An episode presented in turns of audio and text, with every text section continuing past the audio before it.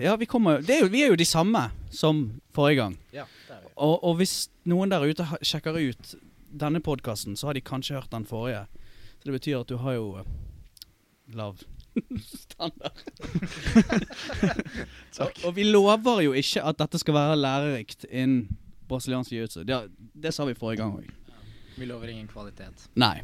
Men eh, det blir preik, iallfall. Og Espen er her med oss. Og jeg må bare si, Espen, vi kommer jo fra, fra ditt seminar i dag. Og det var veldig fett. Tusen takk for det. Ja, det var veldig kult. Og det var liksom det var, så- Jeg tenkte på det når vi, når vi begynte der i dag. For det, det der med folk som har seminar innen brasiliansk jiu-jitsu, så har jeg tenkt på Er det bare sånn Det er helt naturlig for alle som har gjort det en stund, å ha seminar og lære vekk? Er det en sånn greie? Jeg vet ikke, for deg, da. Du kan jo si det. Jeg tror det er litt smak og behag, altså. Jeg tror det, Noen liker jo å holde seminarer og liker å undervise. Ja. Men så er det jo flere som er flinke å konkurrere, men ikke undervise.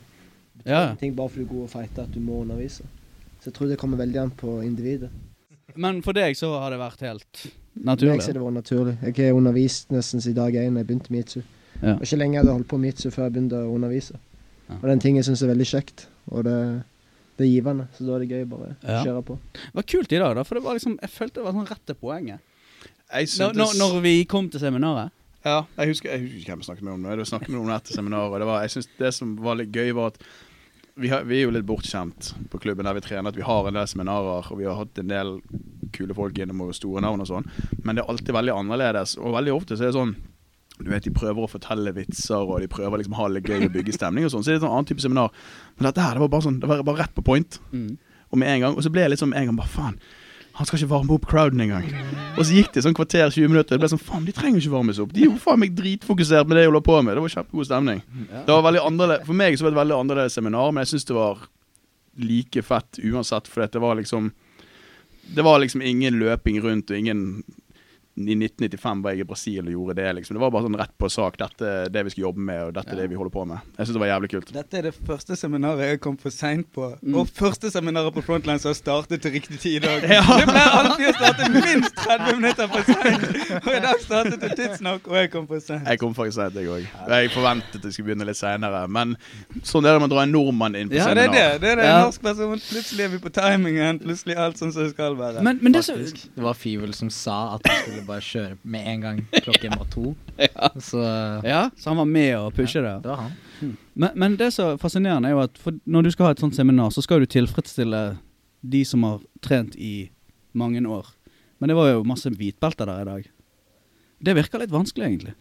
Det er liksom det. Du skal klare å finne noe som alle kan få noe ut av. Ja. Enten om du holder på i et halvt år, eller om du holder på i seks år. Ja. Så det er det jeg prøver på en måte å alltid kunne gi noe til alle. Mm. Og dekke over ting som alle kan få noe ut av. Og det er det som er vanskelig òg. ja. For det er fort gjort at du på en måte tar vanskelighetsgraden for høy. Så det er på en måte, Men det kommer litt med erfaring òg, føler jeg. At når du har gjort det litt Du ser hva som skjer, og du ser om folk klarer å lære. Og så får du tilbakemelding, og så kan du tilpasse deg. Mm. Og da blir det jo på en måte bedre. Ja, men sjøl i dag, altså. Det var jo jeg vet, avanserte teknikker, men sjøl i dag så var det liksom sånn at du hadde noe du kunne jobbe med alle sammen. Og så på slutten du kommer med Matrix-setupen, og så blir det litt Droppa sånn bomba. Hæ? Ja, droppa bomba. Ja, ja, ja, det var Men da sånn kunne man se at, at noen var sliten oppi hodet. Men folk prøvde jo, da. Folk Ja, fikk jo ja. det til òg. Jeg gikk og ventet på han. Jeg, jeg, bare, ja, jeg ja. gikk og ventet på han. Men du må jo komme. Du var klar for den røde Ja, ja, altså. ja, ja. Fett. Men Tariq hadde jo Du har jo advart oss. Du har jo vært der og Ja, ja, ja. Og jeg var jo litt sånn eh, Jeg vet at det kommer, så bare vær klare. Jeg er så jævlig glad. Men OK, hvor kommer den greien fra? Altså den Matrixen begynte, tror jeg, på lilla belte. For det kom egentlig fra når jeg spilte Berembolo. Okay. Så brukte jeg den posisjonen på en måte for å komme ri Berembola når noen prøvde å escape. Og derfor så skjønte jeg at hvis du kan gjøre det her i dobbel puls, så kan du gjøre det når personen står. Så begynte Tommy å se på det, så var vi sammen så vi utvikla posisjonen. Så det på en måte kom ganske naturlig. Ja. Og så er det bare funker det ekstremt bra. Så det er helt merkelig. Ja, for det er rart når du, når du, når du Altså når du viste teknikken i dag, Mm. så tok jeg meg sjøl i å applaudere. Altså, du sier Viktor har jo Vet du. Han gjorde det. det var litt sånn. Ja, men du, jeg kødder ikke engang. Det er faktisk helt seriøst. På slutten du viste alle teknikkene, og så med en gang du viste Matrixen, så kom Kjartan gående forbi meg bort når vi skulle drille. Og jeg bare sånn Dette må vi applaudere. Ja, det var Han sto og liksom og klappet for seg sjøl. Så det er bra. Ja, men Det er rart. Men eh, nei, jeg synes det var utrolig fint uh, seminar. Men det er, det er fantastisk. Jeg visste jo Altså, folk som følger med i konkurranseverden vet jo veldig godt hvem du er. og det, Men det, den, den gymmen deres der nede Hva var den het igjen, den? Herjer. Herjer. Her er hjemme. Ja. Og det, det er helt utrolig. Det så Jeg har bare sett den Flow, grap, flow Grappling-filmen uh, derfra, da. Mm. Men det ser jo ut som det er bare blitt uh, utrolig bra. Ja, det er helt merkelig hvordan det bare på en sånn liten plass det er blitt så høyt nivå. Ja. Men nå skal det jo sies at jeg kommer fra Egersund. Vegard, som er trener, kommer fra Randaberg. Ja. Så det er jo folk som er på en måte flytta til plassen òg, som på en måte bare valgte å samle oss i Haugesund. ja. Og det er jo det som har gjort at nivået har gått opp. Ja, det, det, det er imponerende. Men jeg eh, må jo bare si som sånn eh, hobbyist, så er det Vi er jo noen sånne hobbyfolk som blir med på disse eh, seminarene. Men eh, jeg skal jo ta faktisk steget inn i konkurranseverdenen. Dette, dette er et Det tema. er så big deal. Det er et tema. Siste episode, hvis, hvis du lytter, hørte på siste episode, så ytret Kjartan, hvis jeg klarer å si det helt korrekt, Ja. jeg føler litt skam for aldri å ha konkurrert. Ja, ja, ja. Du har aldri konkurrert med deg? Nei. Altså, jeg er jo 38 år, småbarnsfar. Ja. Alle unnskyldningene er på plass. Bare gå og trene og ha det gøy. Så fikk jeg av min samboer i gave da om å reise til Portugal og konkurrere. Og det er jo helt Altså Hvis du først skal begynne, så begynner du på Jeg har gått ned, Europeans. jeg har gått ned to kilo bare av Jeg har brukt om en hashtag Ja, for skjertan. for Skjertan. Vi Ja. har, eh, vi Ja, har nice. Vi har jobbet med Shark Tank, Ja. Er men så ble det litt feil òg. Men, men, men OK, jeg har et spørsmål til alle her. Liksom, ok, Det er så mange råd man kan få sant? første Mm. gang. Men det, som, det er én ting jeg har lurt på i det siste, og det er at når du går inn der og skal konkurrere første kampen, vil du være aggressiv og høyt energinivå, eller vil du være chill? Det skjønner jeg ikke helt. Dette er veldig interessant for meg òg. Jeg, jeg, jeg har hver eneste konkurranse så har jeg prøvd å finne hva som er min ting og min Ja. måte å være på når jeg skal gå inn der. Og jeg har ingen anelse. For noen ganger så kommer jeg inn leken, og så å, gikk det kjempebra. Ja. Kommer jeg inn neste konkurranse, så er jeg leken, og så griper han kisen meg og nøkker i nakken før jeg er klar for det. Så bare oh shit, jeg skulle vært litt mer aggressiv når jeg kom inn i denne her. Så jeg har aldri funnet ut hva helt som er min greie heller. Det er faen meg rart, altså. Ja, det er jo Altså, man snakker om sånn spenningsnivå, da. Ja. Så hvis du har for høyt spenningsnivå, så er du gjerne nervøs og holder på å tisse på deg. Mm. Har du for lavt, så er du litt sånn at du gjesper og egentlig trøtt og egentlig ikke klar for å være i noe som helst form for aktiv, ikke sant. Mm. Så det er en sånn gyllen eh, middelvei, da. Midt i der, Ja. som du vil finne. Uh, og ikke minst, alle er litt forskjellige. Ja, for det, jeg ser for meg hvis man ikke er en aggressiv dude, da, og klarer liksom, så er jo det liksom vet ikke, Vi har sånn som Markus, vår lillabelte, som er en sånn munk så, som trener hos oss. Ja. Han virker som en sånn fyr uh, som på en måte er så rolig uansett hva setting han er i. Konkurranse òg, da. Forresten, shout-out til Markus. Ja, han skal, ei. eh, han skal lage jingle jinglen til introen vår nå. Det blir fett. Ja, det er fett. Ja. Nei, um, men han er jo ikke så glad i å konkurrere heller, så han har på en måte ikke helt det genet Ok, eh, som kanskje kreves, eller som får deg til å egentlig ha lyst til å konkurrere like mye, da. Så det, jeg vet ikke. Ja. ja, men du, du virker jo som du er ganske sånn avslappet. eh, du ser avslappet ut. Oh, fall. Jeg tar ikke et beist, altså! På utsiden, ja? Nei. Nei, men det er jo eh, Det, det er jo kommer med erfaring, så tror jeg um, alle har litt forskjellige måter å komme inn i det mindsettet der hvor du er klar for kamp. Mm. Eh, noe som jeg liker å tenke på, er jo ritualer. Der hvor du finner litt sånne småting som hjelper deg å sette deg inn i den moduset.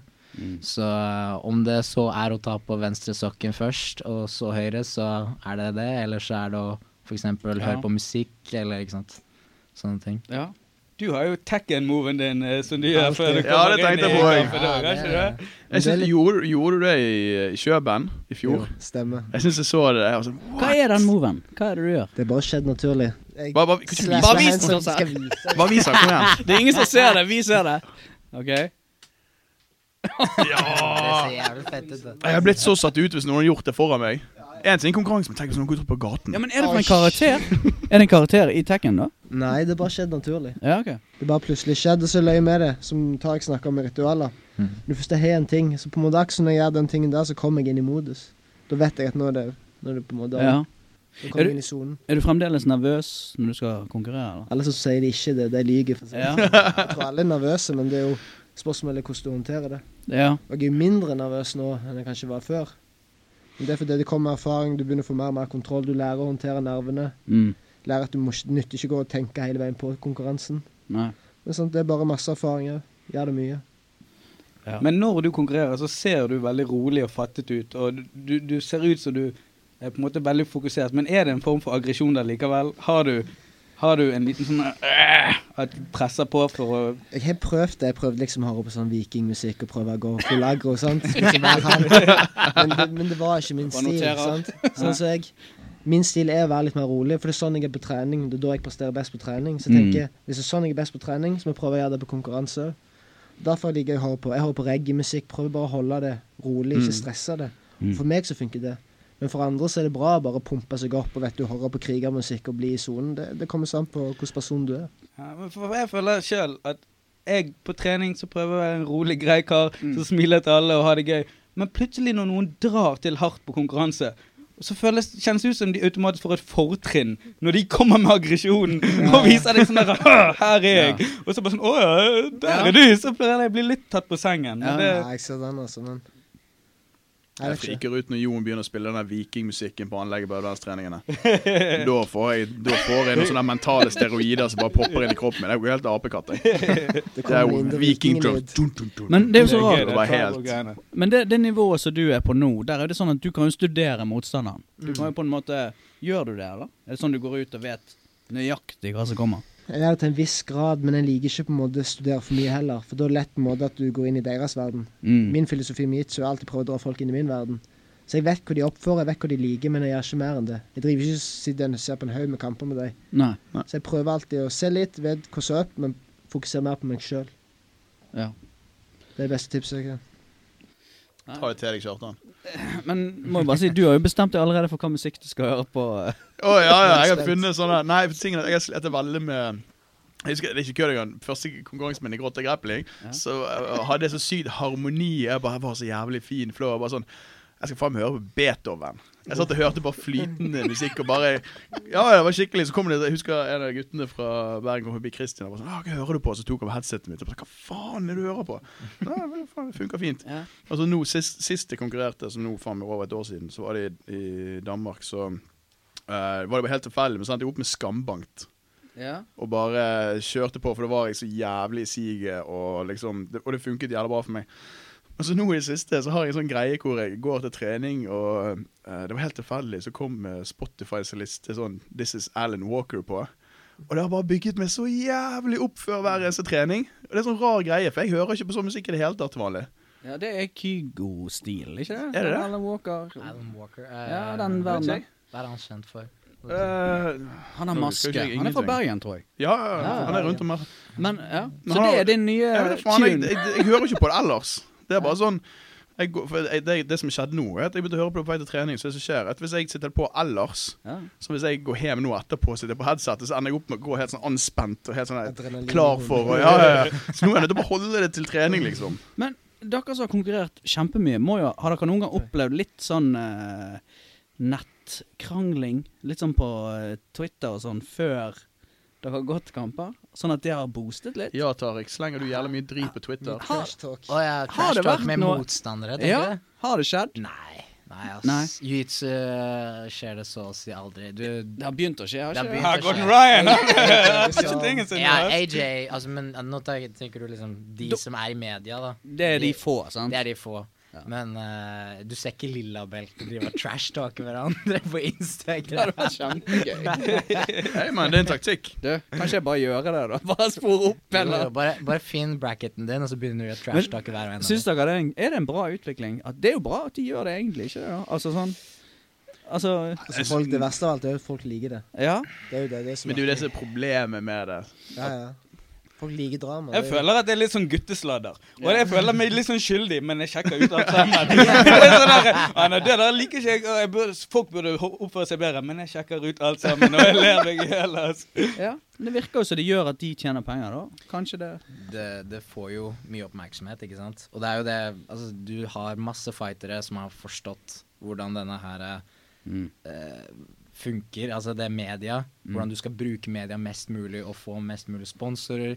Ikke minst um, leve av sporten din, ikke sant. Ja, ja. Hvis du skal ha f.eks. UFC-kamper, da, som MMA-fighter, og hvis du klarer å promotere deg selv og trashtake alle og på en måte få et bilde i media, så er det mye lettere å få en kamp, en tittelkamp f.eks. ja, ja.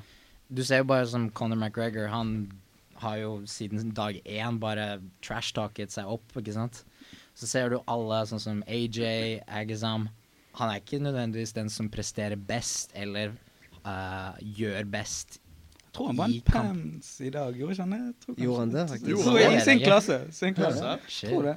Og jeg er forresten eh, Gordon Ryan kjørte en Tarkoplata. Ja, jeg så det. Jeg så det på Instagram. Det var, jeg, jeg så ikke sånn video, videosnutter. Nei, men vent. vent tar ikke, Nei, Buccetti Plata, mener du? Nei, det. Eh, Han forstår ikke norsk, det går fint. Det er faen det å sette hele livet. Hva for noe? Buccetti la ut en instruksjonsfilm på å sette opp en eh, Ja. modifisert uh, omoplata som 110 var en Targo Plata. Ja. Men, men det som er morsomt, da steg. Det som er morsomt, er når han sier Buchecha sier Når motstanderen min er for sterk Ja. og holder igjen armen, da bare Da falt jeg av. Not for me. Det skjer. Jeg tenkte som det skjer. For du kan faktisk bare løfte kisen opp etter den armen. Men du har jo få, begynt å få litt sånn uh, Ja. Folk uh, anerkjenner jo at det er din move, ikke det litt sånn? Uh, ja. eh, altså det var jo litt også på grunn av at jeg gikk ut og viste en liten sånn instructional, og så Ja. Har jeg på en måte hatt folk rundt meg som har hele tiden promotert at det var meg som sto bak, at jeg sto bak det, osv. Uh, ikke minst, jeg tror alle sånn, Nå snakker vi om litt internettkamper igjen. Så når folk la ut andre videoer, så kom gjerne masse folk fra Frontline Oslo og bare postet ah, 'Det er Taiko Platan, det er ikke noe annet'. Og. Så eh, all respekt til de. Tusen takk Ja. for å slåss for meg. Kult. Men eh, Nei, altså Det var jo Keenan la han ut forleden. Ting har jo fantes siden folk begynte å slåss. Altså, det, er jo Ja. det er jo mer at jeg har satt i et system og på en måte gitt det flere innganger fra flere posisjoner. Mm. Og siden jeg har fått det fra eh, fått det i flere konkurranser, da, så har vel jeg mitt navn blitt Ja, det er det er jo bare kult med anerkjennelse for det. Det er jo bare Ja, ja ellers så Så lenge jeg ikke du står liksom ah, 'Det er min, jeg oppfant dette her'. Men når du liksom modifiserer det på din egen måte, og du gjør en greie ut av det, og det blir kalt og Plata, så er det jo fett. Ja, det er jo sånn som Keenan la ut den diskusjonsfilmen, så tagget han deg jo og liksom sa dette, liksom. ja, Bortsett fra at han sa at jeg var fra Nederland, da. Ja, det var. Ser litt sånn ut. Det var faktisk jeg lurer på Trynet. kan, kan det stemme at det var Tommy som kommenterte og skrev liksom Nei, han er for Norge, get your facts straight. Ja. Det er jævlig morsomt. Tommy holder shit det real. Men- All respekt til Tommy. Shout out. Ok, Hos dere så er det jo du og Tommy som på en måte gjør dette fulltid, da? Eller? Mm. Hvordan Kan ikke du si litt om hvordan det funker? For det lurer jeg veldig på. Vi holder på med det fulltid, så er det hovedsakelig det er jo seminarer. Ja. Så er det jo pengepremier. Eksempel jeg vant i Abu Dhabi, World Pro. Så er det pengepremier. Og I tillegg så har jeg jo, når jeg begynte å produsere GIA, EM-GIA, altså Espen Mathisen-GIA, og så da får du på en måte inntekt der òg. Så det er på en måte det som er hovedinntektene mine. Var det det du hadde på deg i dag? Det stemmer. Ah, Jeg jeg, lurte jeg satt og så på logoen. Jeg var sånn, Hva faen er det for noe? Det er så jævlig Jeg vet ikke hva det er for noe. Det irriterte meg så jævlig at jeg ikke kjente igjen merket. Ja, det er min egen GIA. Fett. Så kult. Men så blir du invitert. Ikke sånn, altså Du blir jo invitert sikkert mer og mer da til turneringer og sånn, men det er forskjellige turneringer du ikke kan være med på mindre du blir invitert. Er det sånn det funker? Du har jo superfights, hvis Ja. det er det du tenker på. Så Ja. har du jo uh, Men sånn som Copapodio, er det kanskje det? Ja. Ja. Eller jeg vet ikke hvordan det funker, den verden der, Du har. ACB, Copapodium, du det er forskjellig. Ja, det er jo Blir det bare st- Altså, IBI, er det sånn der man blir invitert, ikke Mm. Jo, IBI er, er invit invitasjon, ja. Ja. Invitational. Um, Så du kan ikke delta med mindre du hører fra de, rett og slett. Du kan ikke kvalifisere deg. Du kan vel sende en mail eller noe sånt, men eh, jeg er vel Eddie. Bravo Invitational, tror jeg det betyr. Ja, sant. Ja. men, men der snakker vi om networking. Altså Ja. sånn, Du må kjenne folk som kjenner andre, og så der, derfor så får du plass, eller derfor Ja. så Ja, kommer prestere høyt i du andre konkurranser òg. Ja, ja, Mm. helt klart. Hvis du vinner konkurranse. Men når dere får en sånn invitasjon, da må dere sikkert se litt på det økonomiske òg i det. Om det er verdt. Det er klart. Helt klart. Du ikke fighte bare for å fighte. Ja. Så må det være vinning der. Det beste er, er hvis du kjenner han du skal ha super, eller potensielt superfight med, ja.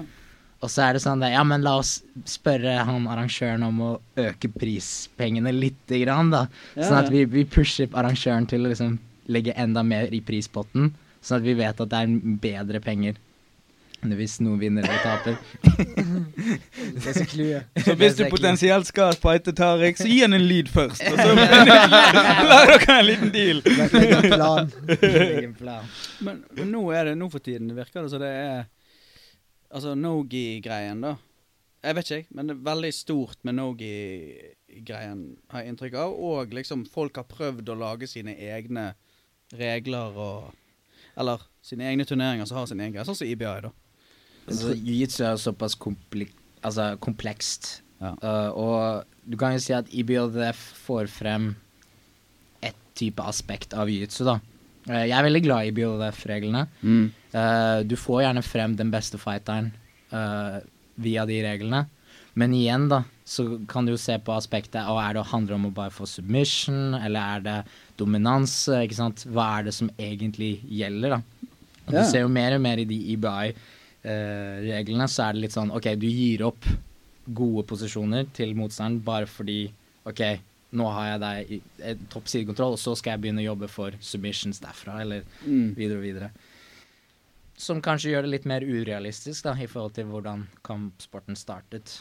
Ja, eller jeg følte bare når jeg begynte for fem år siden, så var det en sånn veldig bølge av at alle gjorde narr av poeng Mm. på, på, på nettet. For det, man, når man begynner, så sjekker du på nettet og sånn. Da var det liksom så mye snakk om det at alle gjorde narr av poeng, liksom. Jeg finner poengkamper mye mer underholdende enn jeg finner sånn submission only. En problem med submission only er at da er det lett på en måte bare låse seg ned. Du driter i om garden din blir plassert, du sliter deg ikke ut, du bare beskytter deg. Men med en gang det er poeng, så må du åpne opp, og da kommer gjerne submission òg. Mm.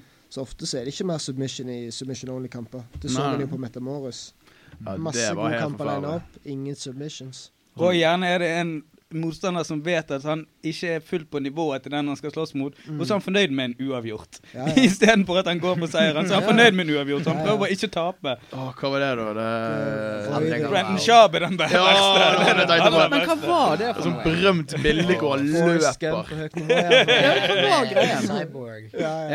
det det at var han pressekonferansen etterpå, når de spurte ham bare sånn Hva var det du holdt på med? Så bare sånn Hæ, er du helt gal? Skulle jeg gå inn i hans spill? Hva mener du? Jiu-jitsu? Hvorfor kom du her? Åh, det var helt jævlig å se på. Men, men ja, det forsvant jo, Meta Morris. Hva var det som skjedde der? Ingen ble betalt. Ingen ble betalt. Jeg tror det var mye, mye rundt det der. Det Altså. gikk bankrupt. Ja, det var det. Jeg så noe med han uh, Harlek Gracie, han som var bak Metamoris, han skulle gå en eller annen MMA-kamp i en organisasjon for å tjene penger til å betale fighterne som ikke har fått betalt fra Jeg tror han gikk en grappling-kamp for det. Ah, Var ikke Han det sånn? mot Gordon. Ja, han gikk mot Gordon Ja, å stemmer det. Ja. Jeg Stemmer tror det var det. som gikk. Så jeg tror han grinder hardt for å få de pengene betalt. Altså. Men tenk da, det. det er det verste du kan gjøre. Ikke betale fightere. Ja, det er ikke Tenk hvor mange som kommer på døra di. Ja, for det var jo veldig sånn stor produksjon på det. Det var liksom bra en Ja, det så jævla bra ut. Men hva er det nå, den Jeg har ikke helt uh, oversikt, men den Er de Det er sånn ny eh, ACB, kanskje? Ja, ser veldig likt ut. Ja, det er Se- jo veldig Ser veldig bra ut. Har du gått? Italia er iallfall bra. Hvor er det? Det er rundt forbi overalt, egentlig. Ja, jeg tror det. Har hatt en i LA, Ja. i Moskva, i altså, Kasakhstan Hvor enn du de Ja, vil, det, egentlig. det så veldig bra Det er de beste kardene. Ja. Altså. Ja. Hvis du ser på de, de fighterne de har lina opp, så er det Ja. bare helt sykt. Det virker så jævlig godt kort. Det er liksom Det er svært, det er svært få turneringer jeg føler som liksom gir ut et fight card som skaper, i hvert fall for min del, så mye interesse som de slipper sånn brum, og så bare Å, helvete, der og der og der. Jeg, ble, jeg sitter liksom oppe og ser på det dritet der. Og så er streamen free på YouTube. Det Ja. Ja, det er veldig finnes. Jo, men altså, det virker vanskelig å få folk til å betale for å se brasiliansk jiu-jitsu, da? Jeg har flow grappling abonnement. ja, jeg òg. Altså, det er jo penger i jiu-jitsu. Det er det. Um, du må bare kunne veien rundt det, på en måte. da. Du må vite hva folk er interessert i. Ja. Og så se på deg selv, da, for eksempel. Mm. Du er en familiefar. eh, når du kommer inn i gymmet, så har du kanskje hatt en lang dag på jobb. Eh, det er lett for at du på en måte bruker litt mer penger, ikke sant, Mm. generelt. Kontra den fattige studenten som kommer inn på gymmet, er, bruker fem timer inn på gymmet, aldri kjøpt en gi fra gymmet. På en måte, Det eneste han betaler, Han snakker om seg selv. Om meg selv. Men, men altså du har heller lyst på de som tar med kanskje barna sine på Ja. Kids-partiet. ikke sant? Altså, hvor er det pengene ligger, da? Hos de eldre, Ja. som oftest. Så derfor tenker jeg Master Worlds er, har vokst akkurat på grunn av det. Ja, ja men det er nominert. Hvor mange matter var det der i år? Var ikke sånn 16 matter eller noe sånt? Jesus. På Men du vet jo, altså, du, du, vinner, du får ikke solgt så mye på en normal Worlds kontra Master Worlds, tydeligvis. Det er jo helt sykt. Hva hva mener du? Altså, eller hva snakker du om nå, egentlig? Altså, du Jeg tror bare om generelt folk er mer interessert i å bruke penger i Ja. en eldre alder. Ja. ja så så, det, når du arrangerer Master Worlds, så er det mange deltakere. ja, og alle er jo gjerne 30 og opp, ikke sant? Mm. Som er egentlig ganske gammelt i den Nei, nei, men altså sånn, du, du, du finner på en måte Folk er i hvert fall mer etablert og har mer Ja. kroner å bruke. Ikke Ja. sant? Men har ikke Begynte ikke IBAF er jo ikke akkurat pengepremiepotten. Men begynte ikke de med det i fjor? Sånn, sånn, de gjorde sånn heavyweight-turnering blant annet, hvor de inviterte liksom seks-syv prospects, og så bettet de ut. Og så, jeg husker liksom Det var en 40 000 dollar der. Ja, det var, jeg husker jeg ble litt sånn Oi, faen, de prøver Ja. faktisk. Så de, de begynner jo, men Ja, ja. bare prøve å gjøre det mer. De er ikke bare få de store guttene. Kanskje gjøre litt mer for har nå har de begynt med ringer òg. Hæ? De har begynt med ringer Ja, òg. ringer. Ja, jeg trodde det var bare Hafa som hadde laget det ja. på seg sjøl, de forrige. Det var, Var det ekte offisielle Nei, nei, ringer, nei, nei, eller var det han som hadde laget Det var på seg sjøl? faktisk hans Jeg tror det er hvis du vinner åpen klasse du får ringe. det ikke det? Ja, det er kun åpen klasse. Ja, okay. Men Hafa. Hafa poserte jo Hafa Mendes poserte jo på et blad for en stund siden Ja, ja. med masse ringer på, men da hadde jo ikke IBF begynt å gi ut ennå, så det var ringer han hadde lagd Så han var trendsetter med andre ord. Ja, han var trendsetter, men det var kleint som faen. Jeg synes det var kult som faen. Jeg var sånn, men jeg, jeg. Jeg sitter og synes det er straight gangster når han satt der med alle ringene sine. Ja, nei, de begynte å dele ut ringer etter det. Stemmer det. Så det, det er en op open weight Ja, ja. champion. Vi må jo håpe på sikt at de begynner å gi mer og mer pengepremier. Altså, de har økonomien til det iallfall. Ja, men jeg føler at de har gjort masse for å vokse sporten og gjøre sporten så og så stor. Og nå når den har blitt så stor, så er det masse rom for det, på en måte. Jeg liksom skjønner det. godt at de har holdt tilbake igjen en stund Mm. og prøvd å reinvestere i sporten. Men nå når det er blitt så stort som nå, så det er blitt nå, så føler jeg i hvert fall med, med de summene du betaler for å være med i en konkurranse, sant? Mm. da føler jeg det er mer enn nok rom for å begynne å gi premier til, eh, til svartbeltene. Ja. absolutt. Absolutt. Ja, og snart blåbeltene. Nei, faen. Alltid, alltid blåbelte. Jeg skal ikke ut og hente meg en øl, forresten. Nei, ok. Noen skal ha. Ja, jeg kjenner opp. Hvis det, du hører en litt sånn rar lyd i bakgrunnen, så er det bare saccosekken til Tariq som lager Sitter som en sånn konge der borte. Han driver og trener hip-escapen, ja. Ja. Men du, nivået Du, du har reist hva, Hvor mye har du reist rundt i verden og Jeg reiste en hel del, altså. Jeg var Ja. en del i Brasil, og så var jeg i California og trente på AOJ med Mendes-brødrene.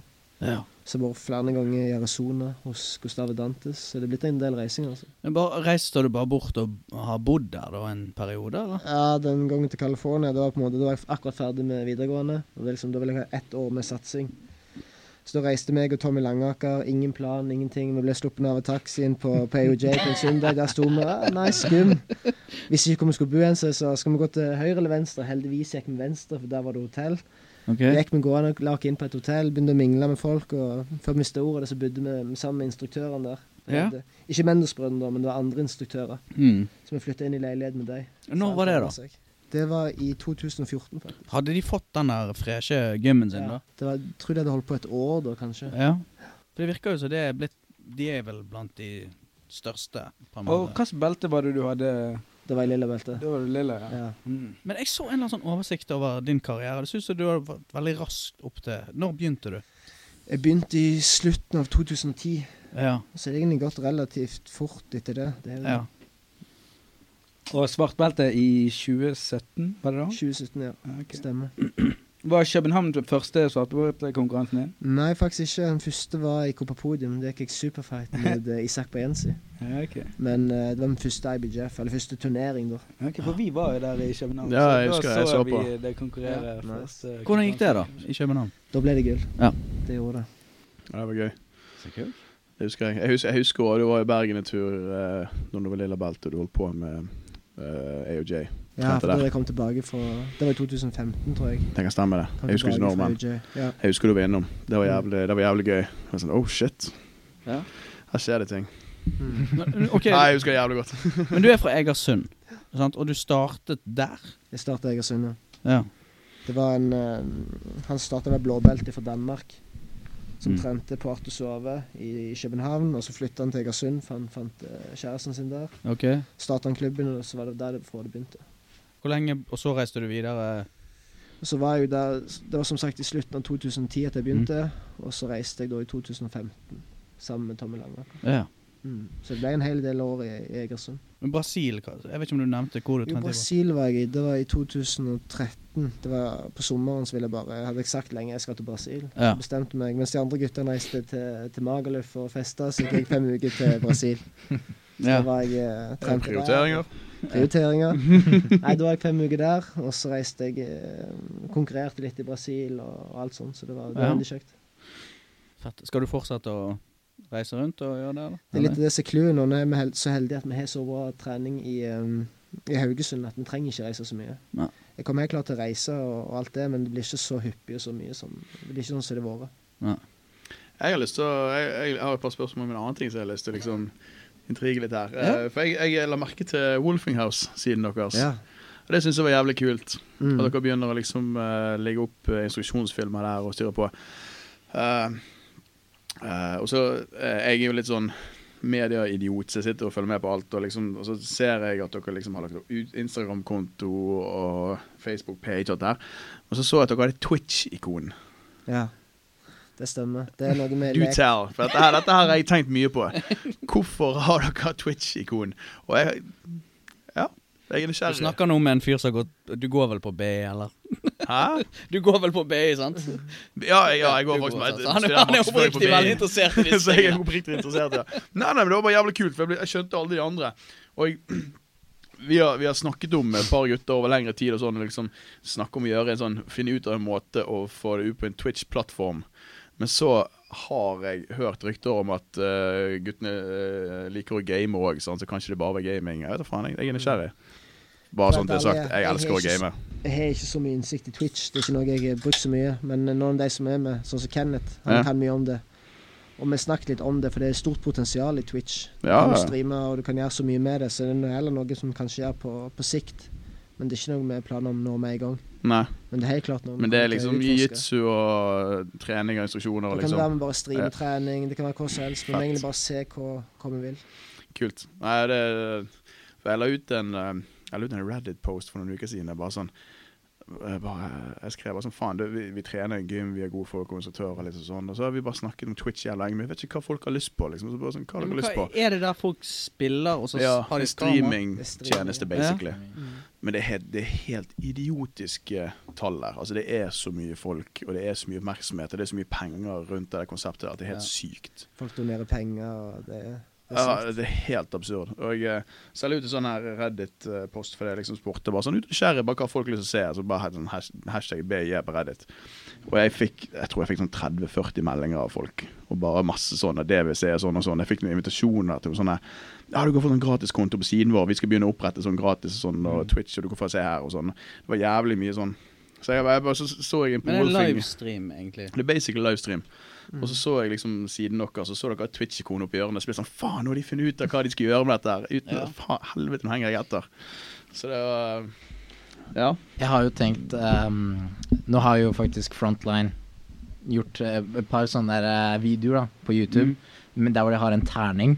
Og så Ja, kaster de litt rundt, og så ser de litt om det lander på eh, open eller secret. Og så hvor mye tid og hvilken submission du skal få han andre kisen med. Og ja og så begynne fra side eller back Yes. eller Og, og jeg, jeg tenker enten så må du ha et, et slitt konsept, da. Der hvor du på en måte gjør det, får det til å bli en utfordring. Og så lenge pu publikum klarer å på en måte Mm. følge med på det, da, og så syns de det er gøy, så blir jo det fett. Og da trenger du heller ikke å ha to uh, nødvendigvis kjente folk som går og sparer. Nei, For det er dritgøy bare se på folk streve med å få en armlås Ja, når det er det eneste de kan få. liksom. For de som ikke skjønte det, så er det greia at det Oslo har gjort, at de har uh, det, to terninger. Ja, eller eh, det er jo flere Eller en, eller whatever. Ja, sånn. Så det du gjør at de først, første tingen, det blir sånn eh, Hvor lenge skal du holde på? Og så ruller du terningen, og så har liksom terningen det han lander på, har forskjellige resultater. To minutter, fem minutter, ti minutter, whatever det er. Og så ruller du en gang til, og så blir det sånn Hvem skal være Hvem skal angripe, hvem skal forsvare? Og så ruller du en gang til, og så blir det sånn uh, Hvor skal du begynne fra? Skal du begynne fra sidekontroll, fra rygg, fra mount, fra half guard? Alt det her, og så ruller du en gang til, og så skal du ha et submission, eller eh, hva er greien, liksom. sant? Og så, så det er et terningsspill som helt random kan navne opp, og så når du er ferdig å trille, så skal liksom disse to battle ut og finne ut av hvordan det går og sånn. Oslo har jobbet litt med det. Det er ganske, ganske kult å se på. Uh, men nå må vi ha mange folk. Ja, uh, fordi enten, enten det, eller så tenker jeg at du må ha ikke sant, noen kjente navn da, som driver og bare egentlig Ja. sparer. Uh, jeg har jo hørt også Tariq at, Hoppstokk.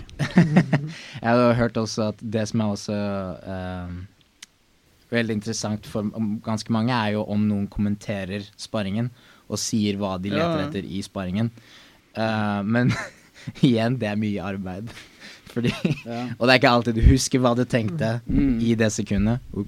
Eh, så um, ja, og da må du på en måte se den videoen tre ganger før du kan på en måte begynne å kommentere. Men ser dere en sånn instructionals på nett? Bruker dere det? da? Ja, ja, ja. Sånn som han fortalte nettopp om ja. folk som beskriver sine egne kamper og forteller Ja. om hva de gjorde, og så etter ser jeg på hele tiden, og jeg syns det er veldig lærerikt. Sånn som for eksempel nettopp Kit Dale mot eh, Tommy. Tommy i Ja. Oslo, så har Kid Kit Dale lagt ut en eh, video der han forteller, gjennomgår sin Ja. strategi og hva han gjorde i kampen og sånn som det der. det er fett. Det er gull for meg, altså. Ja, Og, og bare forstå um, tankegangen og mentaliteten til ulike folk når de konkurrerer og når de går mot hverandre. Se hva de leter etter, Mm. fortelle hva de leter etter, og tankegangen bak hvorfor de gjør det. Ja. Det er gull. Det er kult. Hvorfor var Kit, var Kit Dale der for å gjøre den? Det er det med en superfight. Ja. Tommy. ja, han hadde vel seminar og på Rambukk Ja, han som tillegg. Jeg vet ikke hvor, hva annet han har gjort, ja. men han har fått seg en kjæreste i Sverige. Okay. Så uh, han er vel litt sånn frem og tilbake til Skandinavia nå. Ja. Så det er jo kult. Jeg tror vi fikk en uh, Vi fikk en e-post ja. som spurte om vi ville hoste seminar for han. Vi tok deg istedenfor. Ja, de, det var, ja, men det var det som skjedde. Vi måtte bare sånn Ja, Nå har vi liksom innenfor en viss tidsperiode Så ble det sånn Ja, vi har Espen, sorry. Har ikke du laget litt sånn eh, analysevideoer og sånn? Det stemmer. Ja. På, på, på YouTube så har jeg analyse av uh, Mayar-brødrene. Ja. Leandro Lo, så det var noen sånne analysevideoer. ja hvordan, hvordan er det du gjør det? Du bare Altså, det er ditt syn på det? Eller bare beskriver du hva som skjer? Det er for eksempel Hvis jeg har interesse, se hvis jeg har sett mye på Landre Lo, så begynner Ja. jeg å se visse mønstre og se ting som han gjør. Ja. Og så er det gjerne vært fordi jeg har vært skada eller hatt mye tid til overs. Så jeg bare begynte å lage analyse. ja. Så kult. Og så det holder du på med fremdeles, eller? Det har jeg ikke. Det krever, det krever veldig mye tid. Ja. Jeg ser gjennom kanskje sånn 70 kamper, så skal du se etter mønstre i det her. Så skal du, så skal du klippe det her sammen, og bare det er jo et evighetsprosjekt i seg sjøl. Så skal du legge inn tekst. Sant? Det er mye som krever for å lage en analyse. Og så må du kjøpe en kjip beat som kan bare gå inn gjennom hele greiene. Den lager du sjøl, vel? Nei, uh, du lagde en med Musmeki. Ja, det eh, og- Mot Mia, var ikke det? Mia, den er, den er jo konge. Den var, den, når du ser hva Hvilke kampene var det? Uh, Tror de fighter på American Nationals. ja, noe sånt. Ja. Ja, ok, ja, det, ikke jeg. Jeg har i hvert fall, jeg har i hvert fall uh, gått for eh, Etter jeg så den, så er mange ganger når jeg prøver bamboloen, og folk eh, baser ut med ene hånd, Så så prøver jeg alltid på den armbaren Ja, der. Og det er jo kun pga. den Ja, eh, kult, altså. introduksjonsvideoen der, altså. Ja. Det sant, Men det virker så vanskelig å lage noe sånt, for det er sikkert mange som har en formening om det er rett, det du har laget òg. Altså, det er jo min på en måte subjektive Det er jo bare en analyse. Du, ja. du kan jo være imot det òg. Det er jo mange måter å se ting på. ja. Så helt klart sikkert noen som er imot det som er imot det. Men Har du laget egne videoer der du viser teknikkene dine? Sånn der du filmer deg sjøl? Det blir på en måte det eneste jeg Det er mest på Wolfing House. Der legger vi ut teknikkvideoer. Ja, OK. Mm. Så det kan, kan veldig godt være at jeg legger litt mer på YouTube framover, men hovedsakelig nå så er det bare Bulfinger som legger ut teknikkvideoer. Ja. Og er det noen som vet hvem BJJ Scout er? Ja, Hvem er han? ja, ja, ja. Hvem er det? Right, hvem, hvem det er? Ja. Å nei, jeg bare vet hvem kanalen er. Ja, okay, okay. Å han har en slags hemmelig Det er jo anonymt. Uh, Ja. Men han, han er den, liksom den første Han lager masse gode videoer, i hvert Ja. Han gjør det på alt. det som han, han kan liksom bryting, judo, han kan standup, han kan jitsu. Ja. Men jeg har, jeg har en teori om at det er flere folk. Det kan jo ikke bare være én person. Du tror det? ja? Ja, men altså, se, se Se Kayo Terra som sitter og lager dette greiene Det må være en altså- mastermind som bare kan alt. Men bare tenk hvor fort ting oppdateres. Altså Hvis du ser på sånn som newsfeeden til uh, BJ Scout, Mm. så du ser at det er en ny post nesten hver eh, Ah. tredje dag på nyheter og ting som har skjedd innenfor BI-communityen og hele pakka. Mm. Og jeg tenker, hvis én person skal edite all den footagen og hele tiden dra og klippe og hele tiden Mm. gjøre det, det, det er helt klin umulig. Du må ha i hvert fall to-tre folk. Men kan jo være det fulltidsjobben hans, for det virker ut som han eh, du kan donere penger til han. Ja, han kan har en Patrion-konto. Mm. Ja, Kan være han ja, tjener okay. såpass mye penger at det er noe han gjør fulltid. Gjør han bare i eller? er det sant. Gjør han bare? Nei, han gjør eh, Nei, han gjør striking Han er BJJ MMA. Scout, men han har branchet ut til MMA. og- Han er er martial arts scout, på en måte. Ja, han, han er ganske flink på, uh, på Conor McGregor Ja. og Habib har han vel lagd noen Har det? Ja. Ja, nå. Recently, i hvert Men fall. å, jeg må bare si, så dere den lille Jeg bare så et klipp av den, den uh, Hva er det, Darren Till? Ja. Ja. Eh, At uh, det var en som viste Jeg bare så et sånt klipp av at når han blir slått i trynet der når han går ned, av han uh, Tyron Woodley, da prøver han å gjøre en greie som Conor McGregor pleier å gjøre. En slags sånn Altså en eller annen move, da. Altså et eller annet slag som han prøver å gjøre, som Conor McGregor alltid har- gjort. Og du ser det i sakte film. Jeg vet ikke, det er bare så det, det, du, du skjønner hva de mener, da. At det ser ut som han prøver å etterligne Conor McGregor. Akkurat når han gjør det. Ja, ja. Men han blir dessverre knocket i bakken istedenfor. Men Det det åpner seg helt opp. Jeg håpte sånn skulle vinne den kampen. Darren Till? Ja, jeg håpet han skulle vinne. Gjorde det? Hvorfor det? Ja, men jeg, jeg genuint tror igjen min primitive mening Jeg tror Ty Woodley er en bedre fighter og mer skillete. Han er så jævlig kjedelig. Han er bedre. Han var ikke kjedelig i den kampen der, altså. Nei, nei, nei, da det jo greit nok. Ikke det akkurat det de har diskutert. Jeg vet ikke hvor mye Altså, MMA er du eh, Jeg skal ærlig innrømme at det er ikke noe jeg følger mye med på. Nei. Nei, men Det er jo spesielt med den kampen, for han, han fikk jo så mye Han har jo fått så mye pes for at han skal være, var ja. kjedelig, da. Ja, ja. Men så var det akkurat som nå er alle litt sånn ah, faen, han er jo dødsfet, og likevel. Nei, men han er jo superflink. Det er jo ikke det jeg så på det i hele tatt. Han Nei da. dominerte jo hele kampen. Altså, han har hatt to dårlige kamper noensinne som jeg har sett. Og det var én mot uh, Damien Maier fordi at han ikke ble med ned på bakken med Damien Maier, Og det var veldig lurt. Forstår Hvem er det som er ned på bakken med Damien Maya? Jeg. Og så hadde han den nummer to-kampen mot Wonderboy, Ja. der han Mm. slo Wonderboy ned to ganger og vant Mm. kampen ganske greit. Ja, men, Men det var bare fordi han, han, han ringet rundt han, var det ikke Ja, det? jo, han, han, han, sikret seg seieren. Ja, men det er jo taktisk. Ja, altså, hvis, ikke, hvis ikke Wonderboy hadde hoppet ut litt mer, så gidder ikke han å Nettopp. nettopp. Og han, han sikret seg seieren, så derfor er det opp til Wonderboy å, å gå inn og satse Mm. alt. Ja. Det er ikke opp til den som vinner å gå inn og putte hodet sitt der og prøve å gjøre spenning. Det er den som taper som må lage spenning Ja, hvis de har lyst til å vinne. Det som folk har snakket litt om denne gangen, er jo at UFC har på en måte gått ut og sagt at de syns Taron Woodley er en kjedelig dude. Da. Ja, det, Dana White har litt Ja, ja. problemer. Ja. Ja, altså. så det er veldig tydelig at det er veldig sånn anspent greie der. Men- så det er veldig spesielt når han da er- vinner og har beltet videre. Men det er jo Det- veldig tydelig at det er pengene som styrer Ja. UFC. Altså, du ser jo sånn som Conor McGregor, han det han gjorde med bussen og hele den skandalen. Og så plutselig så har han en kamp med Khabib, og altså jeg tenker jo Hadde det vært en profesjonell idrettsorganisasjon, så banner du en fyr. Du gidder ikke å dra han inn bare fordi du vet at du kan tjene penger. Det som var mørke siden der, var jo at når det skjedde med bussen, så sitter Dana White i intervjuet og bare «Ah, dette er en skam for sporten. Dette er det mest kvalmende jeg har sett i hele mitt liv. Så går det et par måneder, og så blir kampen annonsert. Ja. Og så i den offisielle promoen til kampen så bruker de videoopptak fra mobiler hvor de angriper Ja. bussen blir brukt som promo, liksom. Da, det Men det er jo en del av storylinen, storyline, da. Det er jo, Ja, det er jo en del av det er storyline, så det det, hadde jo det, vært men- feil å ikke Man ville jo sagt med. at de var dum hvis ikke de brukte Ja, det. nettopp. Sant? Nei, men jeg, jeg tenker det er der jeg håper jiu-jitsu aldri går.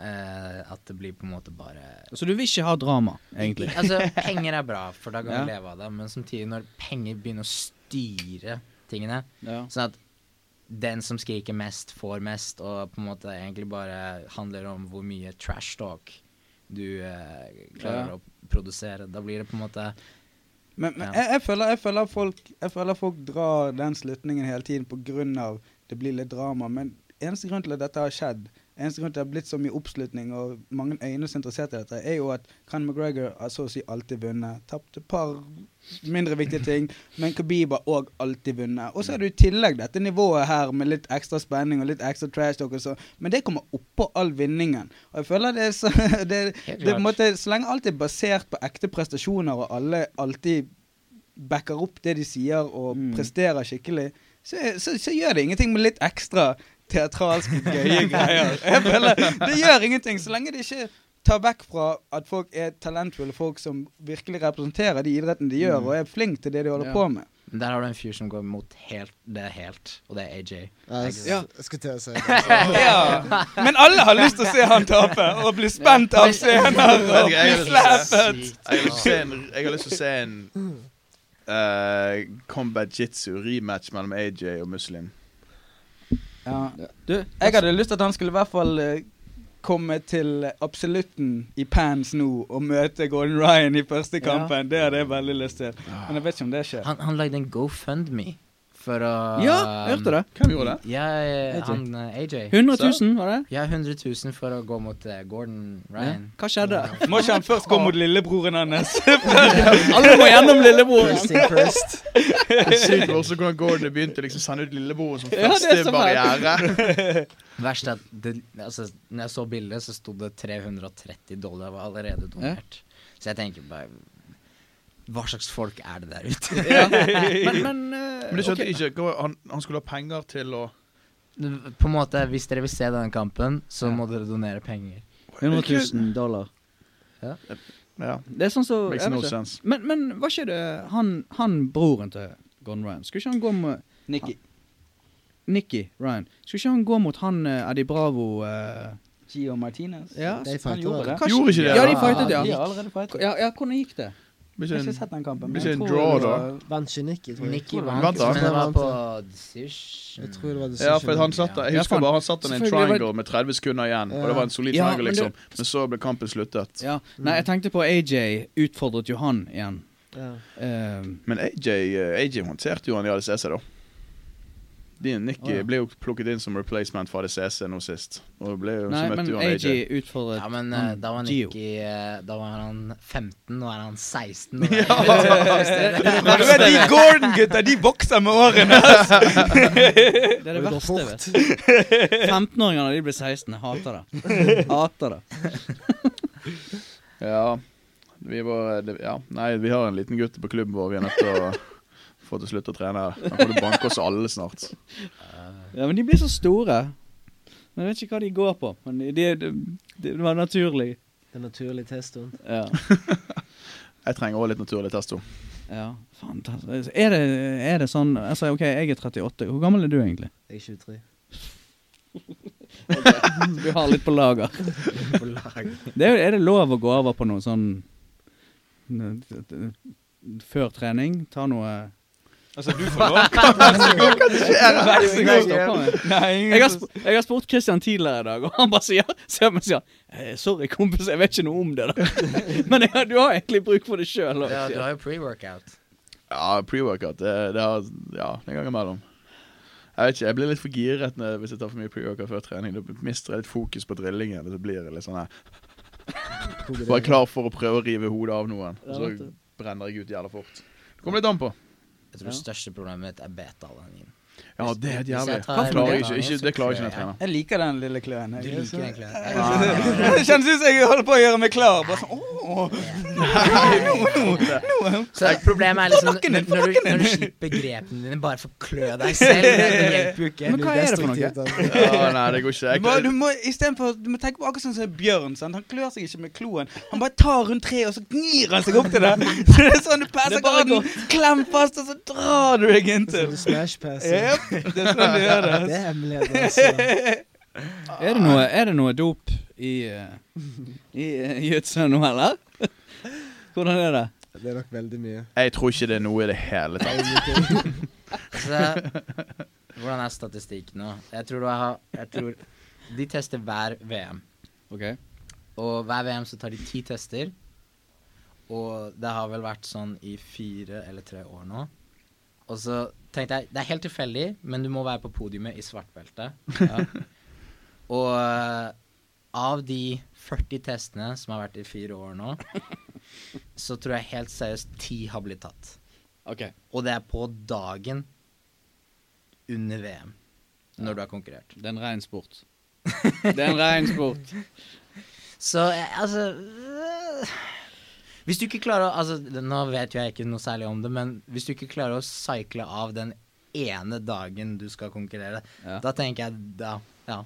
Da kan du se for deg hva egentlig skjulte tallene er, da. Ja, og jeg tror, tipper folk har sikkert sluppet unna med litt ting før. Så derfor kommer de enda en gang prøver å slippe unna med det, og så ops han! Denne gangen slapp jeg ikke unna med det. Apropos det, nå var jo uh, Paolo Miao tilbake igjen. Og han Ja, han, han, han han tilbake nå? konkurrerte i en konkurranse som han ikke hadde lov å konkurrere i pga. av det- det bandet testet det òg. ja, han Så kan nå kommer han få til å få- samme tiden om igjen. Ja, han kommer til å få to Nei. år til. Nei. Men det er òg fare for at broren Ja. For det, det står en sånn klausul at både den som deltar, og de som har hjulpet han og forberedt han og vært med han, kan Nei. òg bli straffet for det. Nei, hele Unity.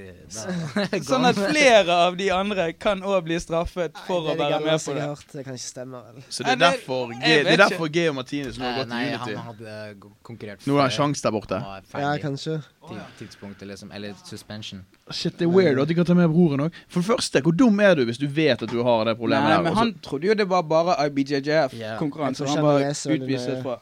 Og så viste det seg at det er alle konkurranser som USADA eller WADA Mm. har, eh, har oversikt over. Sånn at denne gangen tror jeg det ikke var USADA engang som okay. hadde, men det var World Eller det var WADA. som hadde, og de er samme. Og det er ja, det er sånn fine Ja, print okay, som han ja, kan lett lett Kan godt skjønne at ikke han visste det, men uh, Jeg husker jeg leste at Men det er en tragedie hvis han blir utestengt to år til oh, for det. shit. Det burde i hvert fall bli tatt en gang til. Kanskje bare utestengt ja, jeg, jeg Litt, skjønner litt det. lengre, men ja. Jeg det. Jeg husker jeg leste sted om det at um, Nå vet jeg ikke om det er sant, men etter at han ble tatt den første gangen De prøvde liksom å legge frem dokumentene til at han skulle signere og sånn, at han hadde blitt bustet i en test. Og han bare sånn Nei, nei, nei, det stemte ikke, fordi at uh, uh, han er brasiliansk, og det var noe med at de har ikke gjort det i Brasil, og derfor var ikke det riktig. Og han sånn, Papirene var på engelsk, og han forsto det ikke, og liksom det var mye sånn greier, så han prøvde å snike seg unna det. Og det er bare sånn Det høres ikke bra ut, ass. Men, uh, men uh, det var jævla synd hvis det er sant, ass, for jeg hadde gledet meg til han skulle komme tilbake. Jeg tenkte jeg da var ute i to år, og så går han på en sånn smell. Jeg tror han var ferdig I- nå i, i oktober, kanskje. Nei, han hadde, eh, det var snakk om helt seriøst elleve dager eller noe sånt. Nei, det helt krise. Helt Shit. krise. Altså, det er sikkert Eh, en primetime-karriere nå, liksom. Altså, Og dette er på en måte en gøy En gøy utøver som du har lyst til å følge med på. Det er ikke hvem som helst som forsvinner i så 100%. fall. Han, kunne vunnet VM. Men- det jeg syns er litt morsomt, da Han gikk første dagen og konkurrerte og vant uh, den med gi-divisjonen. Og så gikk han første kampen i no-gi dagen etterpå, og så finner de ut at de skal ja det òg syns jeg var det var veldig interessant. Det er liksom OK, så de har egentlig latt han gå så langt, og så bare plutselig finner du at OK, ja, men nei, du kan Ja, ikke Var det én kar som plutselig slo på accounten sin og bare sånn Hei, vent litt, vent litt, han der er utestengt! Var det én? Hvordan skjedde det, Nei, liksom? jeg aner Skal å godta tapet? Fy faen. Stått en eller annen sidedommer der og bare Faen, så jævlig kjent ut.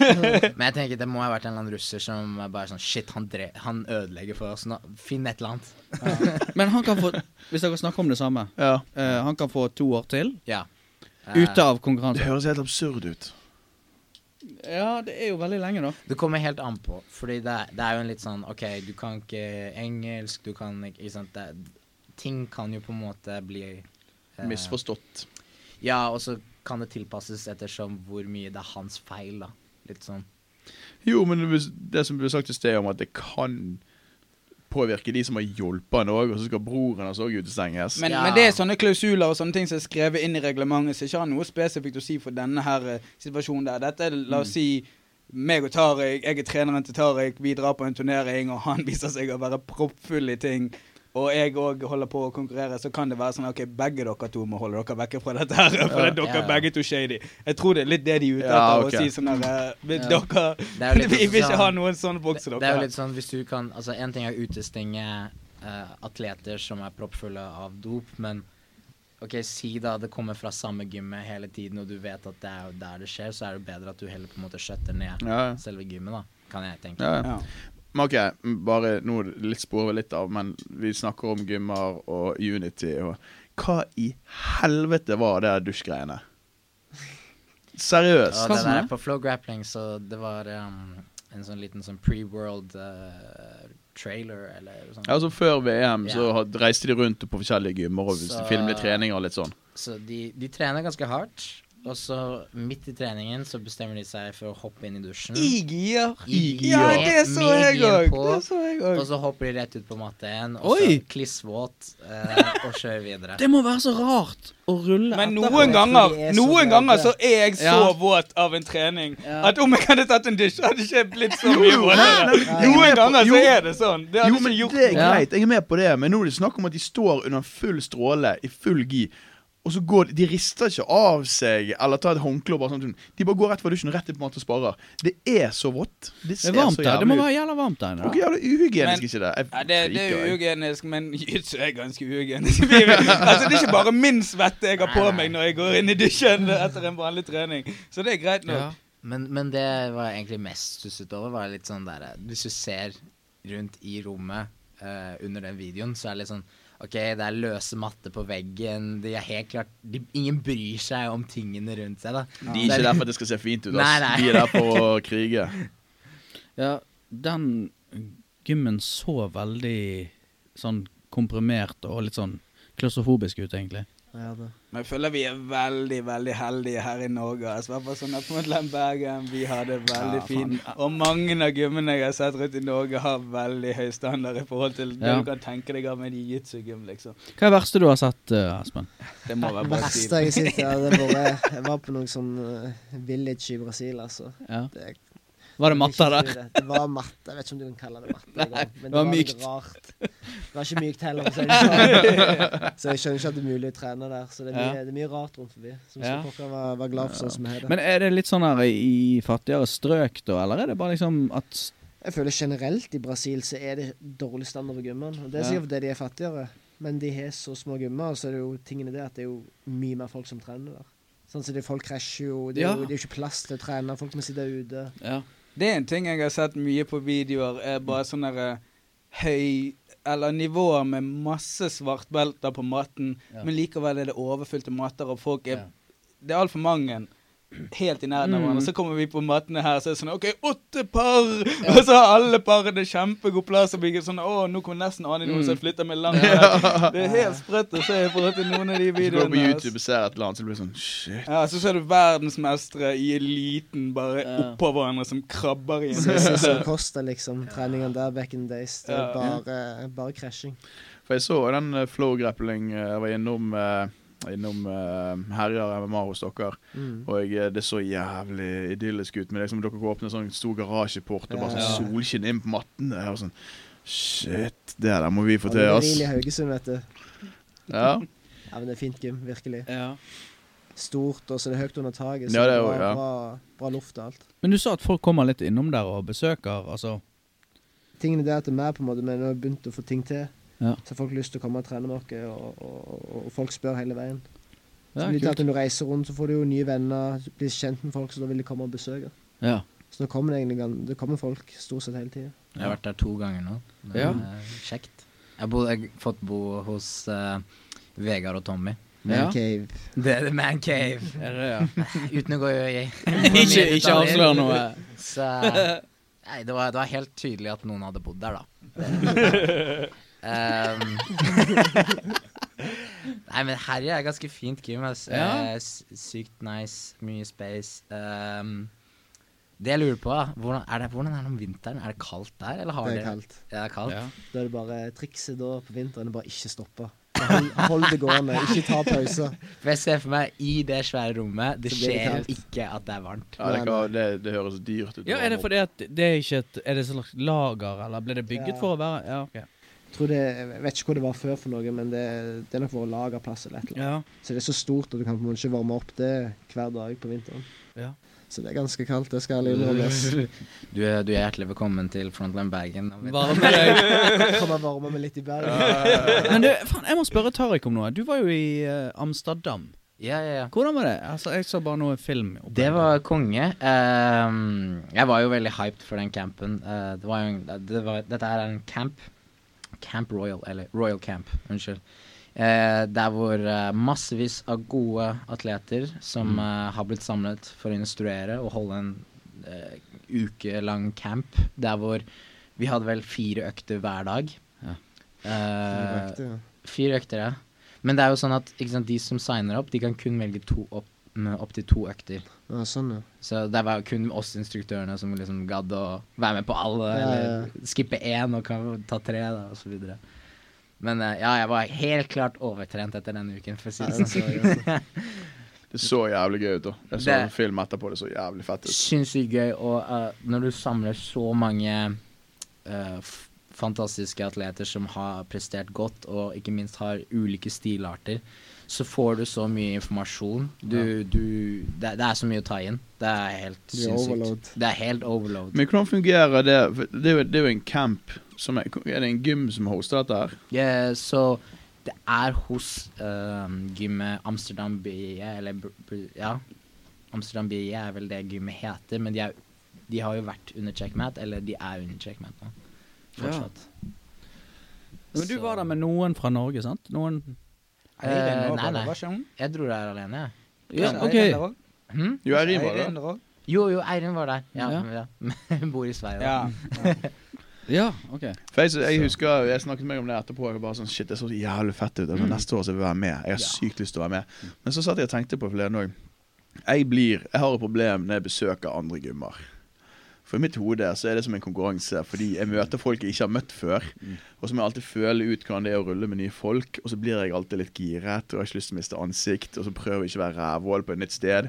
Og så blir jeg alltid litt sånn Og så hvis jeg skal gjøre sånn Hvis jeg skal være med på sånn jævla Royal Camp i Amsterdam i en uke Jeg kan velge to treninger om dagen, jeg kjenner igjen de samme ansiktene og sånn. Det kommer, bli, det kommer til å bli en konkurranse for meg i mitt hode.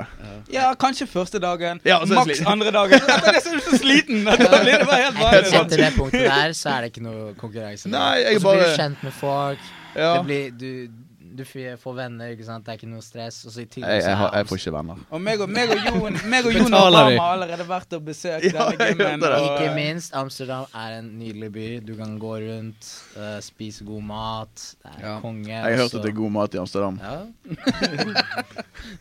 Nei da, nei da, men jeg, bare, jeg, jeg har sykt lyst til å være med. Så bare, men så gikk det opp for meg liksom at det, faen, det kan bli jævlig intenst, dette her. bare én ting. Pass deg for de blå lysene. Ja. Ikke, ja Nei, nå, nå, det, nå skjønner jeg ikke. Jeg er veldig uskyldig. Nei, det- det skal ikke du begynne å snakke om de her Thai Thailand-turene dine. Stian. De pratet vi om tidligere i dag. Nærmeste word.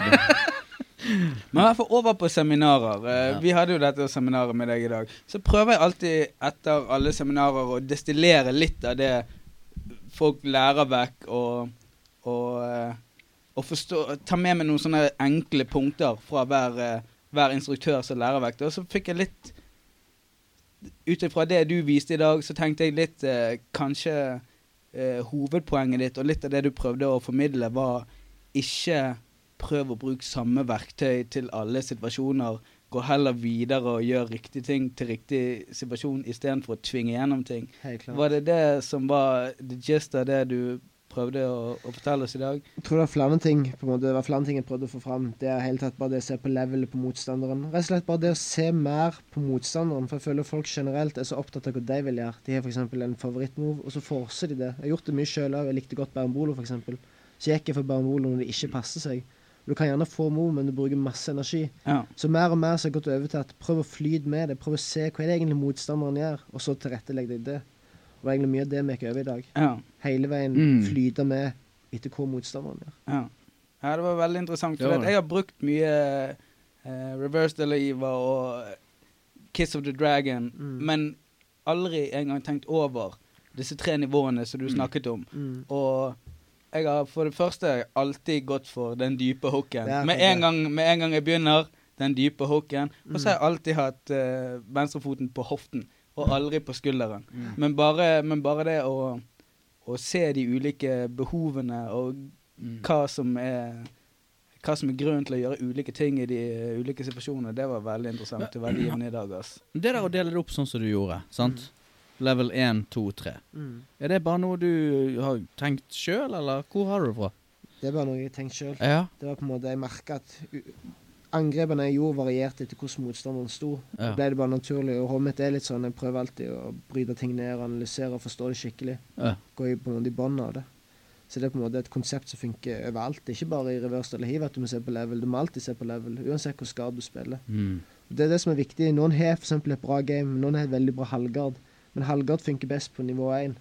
Mm. Så er ikke flinke når folk går høyt. Så det er viktig at du sørger for at du har et bra game uansett hvor level motstanderen er. Mm. Så du må være god mot folk som passer på kne, men du må også være god med folk som står høyt og gjør Toriando pass og raske. Ja. Det er et veldig viktig konsept. Det, Det, som er det som er veldig kult med måten han Når han deler det ned slik, da, Mm. så ser jeg bare at selv de som er helt ferske og ikke forstår, kan Mm. ta det inn mye lettere. Fordi bare det at han deler opp level 1, 2 og 3, får folk til å tenke med en gang OK, posisjon 1, 2 og 3.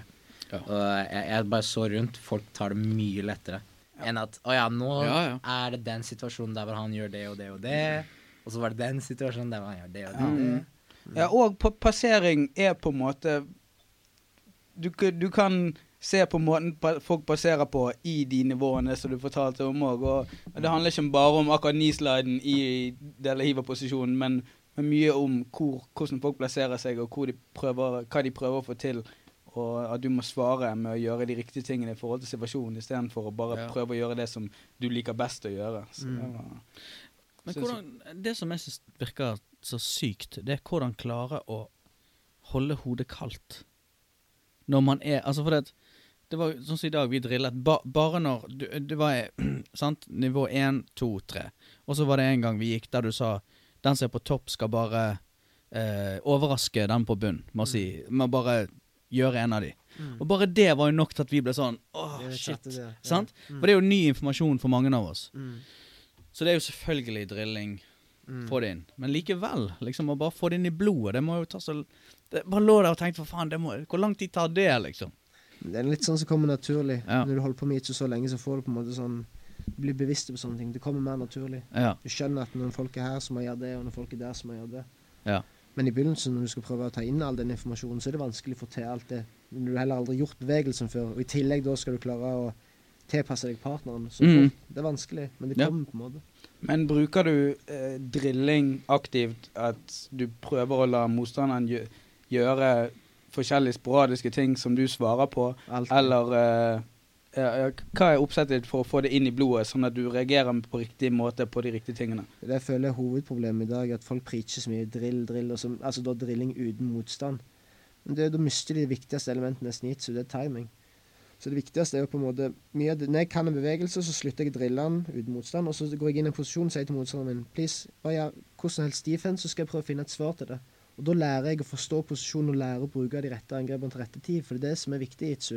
Du kan ikke bare force alle dine teknikker på motstanderen. Så det er sånn jeg trener mye. Det er Mm. sjelden jeg driller. altså Jeg driller nest så å si aldri uten motstand. Det eneste gangen jeg driller uten motstand, det er hvis jeg prøver å gjøre en bevegelse som jeg ikke klarer å utføre. Så ser jeg oi shit, jeg må terpe litt på det her, få litt bedre muscle memory. Etter det alltid sporadisk reaksjons. Så starter du f.eks. i en posisjon, lar motstanderen begynne med det han vil, og så reagerer du på det. Presist. Så jeg går f.eks. inn i Bernbolo, har ikke peiling på motstanderen gjør, om han prøver å ri Bernbola, prøver å skape vekk. Jeg prøver bare å finne det rette svaret. Mm. Så da, det, det, det som skjer da, du blir ikke så opphengt i teknikker, du går på en måte mer på konseptene. Du begynner å forstå virkelig jitsu. Det med konsept Hva Er det en, er de siste årene det har kommet inn? Det må lære konsepter.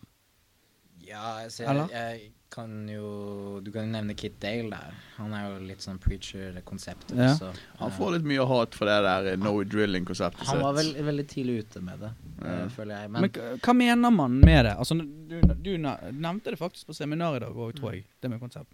Hva tenker du liksom når du Når jeg tenker et konsept, så er det en ting som funker over flere plasser. Det er på en måte en universal ting. Som Ja. gjelder f.eks. distansekontroll. da. Ja. Distansekontroll bruker du uansett, ikke bare når du er i halvgard, f.eks. Du bruker det i Delahiv eller reverse Delahiv eller i Speidergard, Det er et konsept. Okay. Og det er på en måte konseptet en måte jeg har gitt så lettere på. Du skal lære alle teknikker, så er det vanskelig. Mm. Men hvis du kan hovedkonseptene, sånn som vi snakket om i dag, ha kne nærme brystet f.eks., ikke strekk deg ut. Vet du det, så er det mye lettere å spille grad, for da kan du forholde deg til de tingene. Og da Mm. blir jitsu lettere, for jitsu er vanskelig nok som det, liksom. Ja, altså, tingen er at du finner noen håndfaste regler Mm. som gjelder på en måte i så å si nesten alle posisjoner, da. Og med en gang du har noen håndfaste regler å forholde deg til, så er det mye lettere å forstå Ja. kompleksiteten av jiu-jitsu. Ja. Istedenfor at det blir en Altså, hvis du deler opp hjernen din, da. Du deler opp hver teknikk og hver ulike reaksjon du får fra motstanderen i et eget lite sånn scenario, da. Mm. Så, så kommer du til å sitte der med 10 000 forskjellige minner. Men Ja. med en gang du klarer til å ta det på en måte i konsept, så Mm. kan du på en måte ha én løsning for flere Ja. eh, ulike eh, Ja. scenarioer. Ja, det er veldig sånn, jeg føler Den typiske greien er jo at man som når man begynner på jiu-jitsu, så sjekker jo du selvfølgelig ut teknikker, men så innser du etter hvert at det å komme til de posisjonene er en lang vei. Mm. Sant? Altså Du sjekker ut sweepe-folk, og så skjønner du at i starten du er ikke i nærheten av å være i nær... Altså, Mm. ja. Men det er jo også mye konseptet med ikke sant, sweep og uh, ta takedowns og hvordan Ja. Altså, hvordan står han? Hvor er basen hans svak? Eh, står han på tre? Eh, Altså, har han alle fire nede i gulvet? Har han ett bein i gulvet? Ikke sant? Hvor ligger vekten? Du kommer hele tiden å se at ting gjentar seg om og om igjen i jiu-jitsu. Og, og um, når du forstår på en måte hvordan du skal feie vekk det eh, ene beinet han har all vekten på, da, så som oftest så får du den sweepen, da. Mm. ja. Det er rart, det der psykologiske. Tenkte på det, jeg vet, ikke, jeg, tror, jeg vet ikke om jeg begynte samtidig som deg, Sipo. Jeg Tror vi begynte tror vi begynte samtidig. samtidig. Men du raste jo bare så jævlig fra oss andre. Ja. Og sånn her, Vi så deg bare, så deg i horisonten der. Ja. Men jeg vet ikke, jeg følte det var litt sånn Du var veldig god å rydde oppi hodet ditt. Det var ikke så du bare forholdt deg veldig til teknikken. Jeg brukte jeg, Hver gang jeg trente, så satt jeg alltid på sidelinjen Ja. og tenkte over hva nettopp skjedde. Ja. Og så fikk jeg masse Jeg tapte masse hele tiden og hadde hele tiden øynene mine på de som var bedre enn meg. Og tenkte hele tiden åh, og, og, og så satte jeg aldri målet mitt sånn at jeg skal vinne mot deg. Men jeg tenkte bare sånn Åh, neste gang så skal du ikke submitte meg ni ganger, men kanskje bare syv ganger. Og så ble det om til neste gang skal jeg i hvert fall klare å sweepe deg. Og så klarte jeg å klatre delvis sånn. Men det som, det som var I begynnelsen så trente jeg vel kanskje bare et par ganger i uken. Men så gikk jeg, begynte jeg å bare trene masse. Mm. Og det var jo det folk bare sånn 'Å, du er blitt fort flink.' Nei, jeg har bare trent mange Ja. ganger denne uken. Du var der hele tiden. For det, folk Ja. folk Ja. ser jo bare deg når de er der. Ja. Så de tror at sånn 'Å, du fikk det lett til.' Nei, jeg bare gikk på fem treninger denne uken, og så gikk du på to. Og så neste Mm. uke så gikk jeg tolv treninger, Ja. og så Ja. Det var for noen to. uker siden hvor jeg og deg sto oppstillingen, så var det en som kom og spurte meg hvorfor, hvorfor beltet ditt så jævlig mye mer slitt enn han ved siden av deg. Kødder du, eller? For jeg har brukt det sånn fem år lengre. Ja. Ja. Nei, men jeg husker jeg merket det veldig Men de vet jo ikke det, for de er jo ikke der. De er der bare den ene eller to ganger ja, folk, uken. folk ser deg bare Ja. når de er på trening. Så tenker jeg sånn 'Å, nå er vi på trening.' Så nei, du er på trening. Jeg bor her nesten et lite sted. Jo da, men én ting er jo sant, du, du, å være mye på matten, men det er jo kanskje klare å, å rydde i all infoen, da. Ja. Sant? Som jeg følte du klarte veldig bra. Jeg tror, jeg tror, Mange av jeg tror bare sånn, for, for mange folk, når de trener, bare trener akkurat der og da, og så går de vekk, og så, så er ikke det Ja. mer. Men hvis du trener og så analyserer litt hva som skjedde, og Mm. spesielt sånne ting som du ikke vil skal skje, spesielt sånn når noen Mm. begynner å ta det knee on face, og bare sånn, hva kan jeg gjøre for å stoppe Ja. dette? Og hva kan jeg gjøre for å stoppe de skikkelig kjipe tingene som Mm. skjer med deg? Så sitter du ned og tenker du godt gjennom det, og så neste gang det begynner å skje, så å, nå skjer det, nå skjer det, så har du allerede en plan. Shout-out til Vinni. Neon, neonface. Vi er glad i deg. Hva sier jævlig kult da, Frontland Bergen faktisk fikk sin første sånn skikkelig uh, fra Bergens svartbelte nå for noen uker siden. Det var jævlig Homegrown kult. black belt. Homegrown Oi, black belt. oi. Ja, det er respekt, ass. Det var jævlig kult. Det var et Fantastisk. stort steg for klubben vår. Han er brasilianer, da, fortsatt. Ja, Men du vet, bodde i Bergen han er veldig flink til å snakke norsk, så, så vi må få han litt.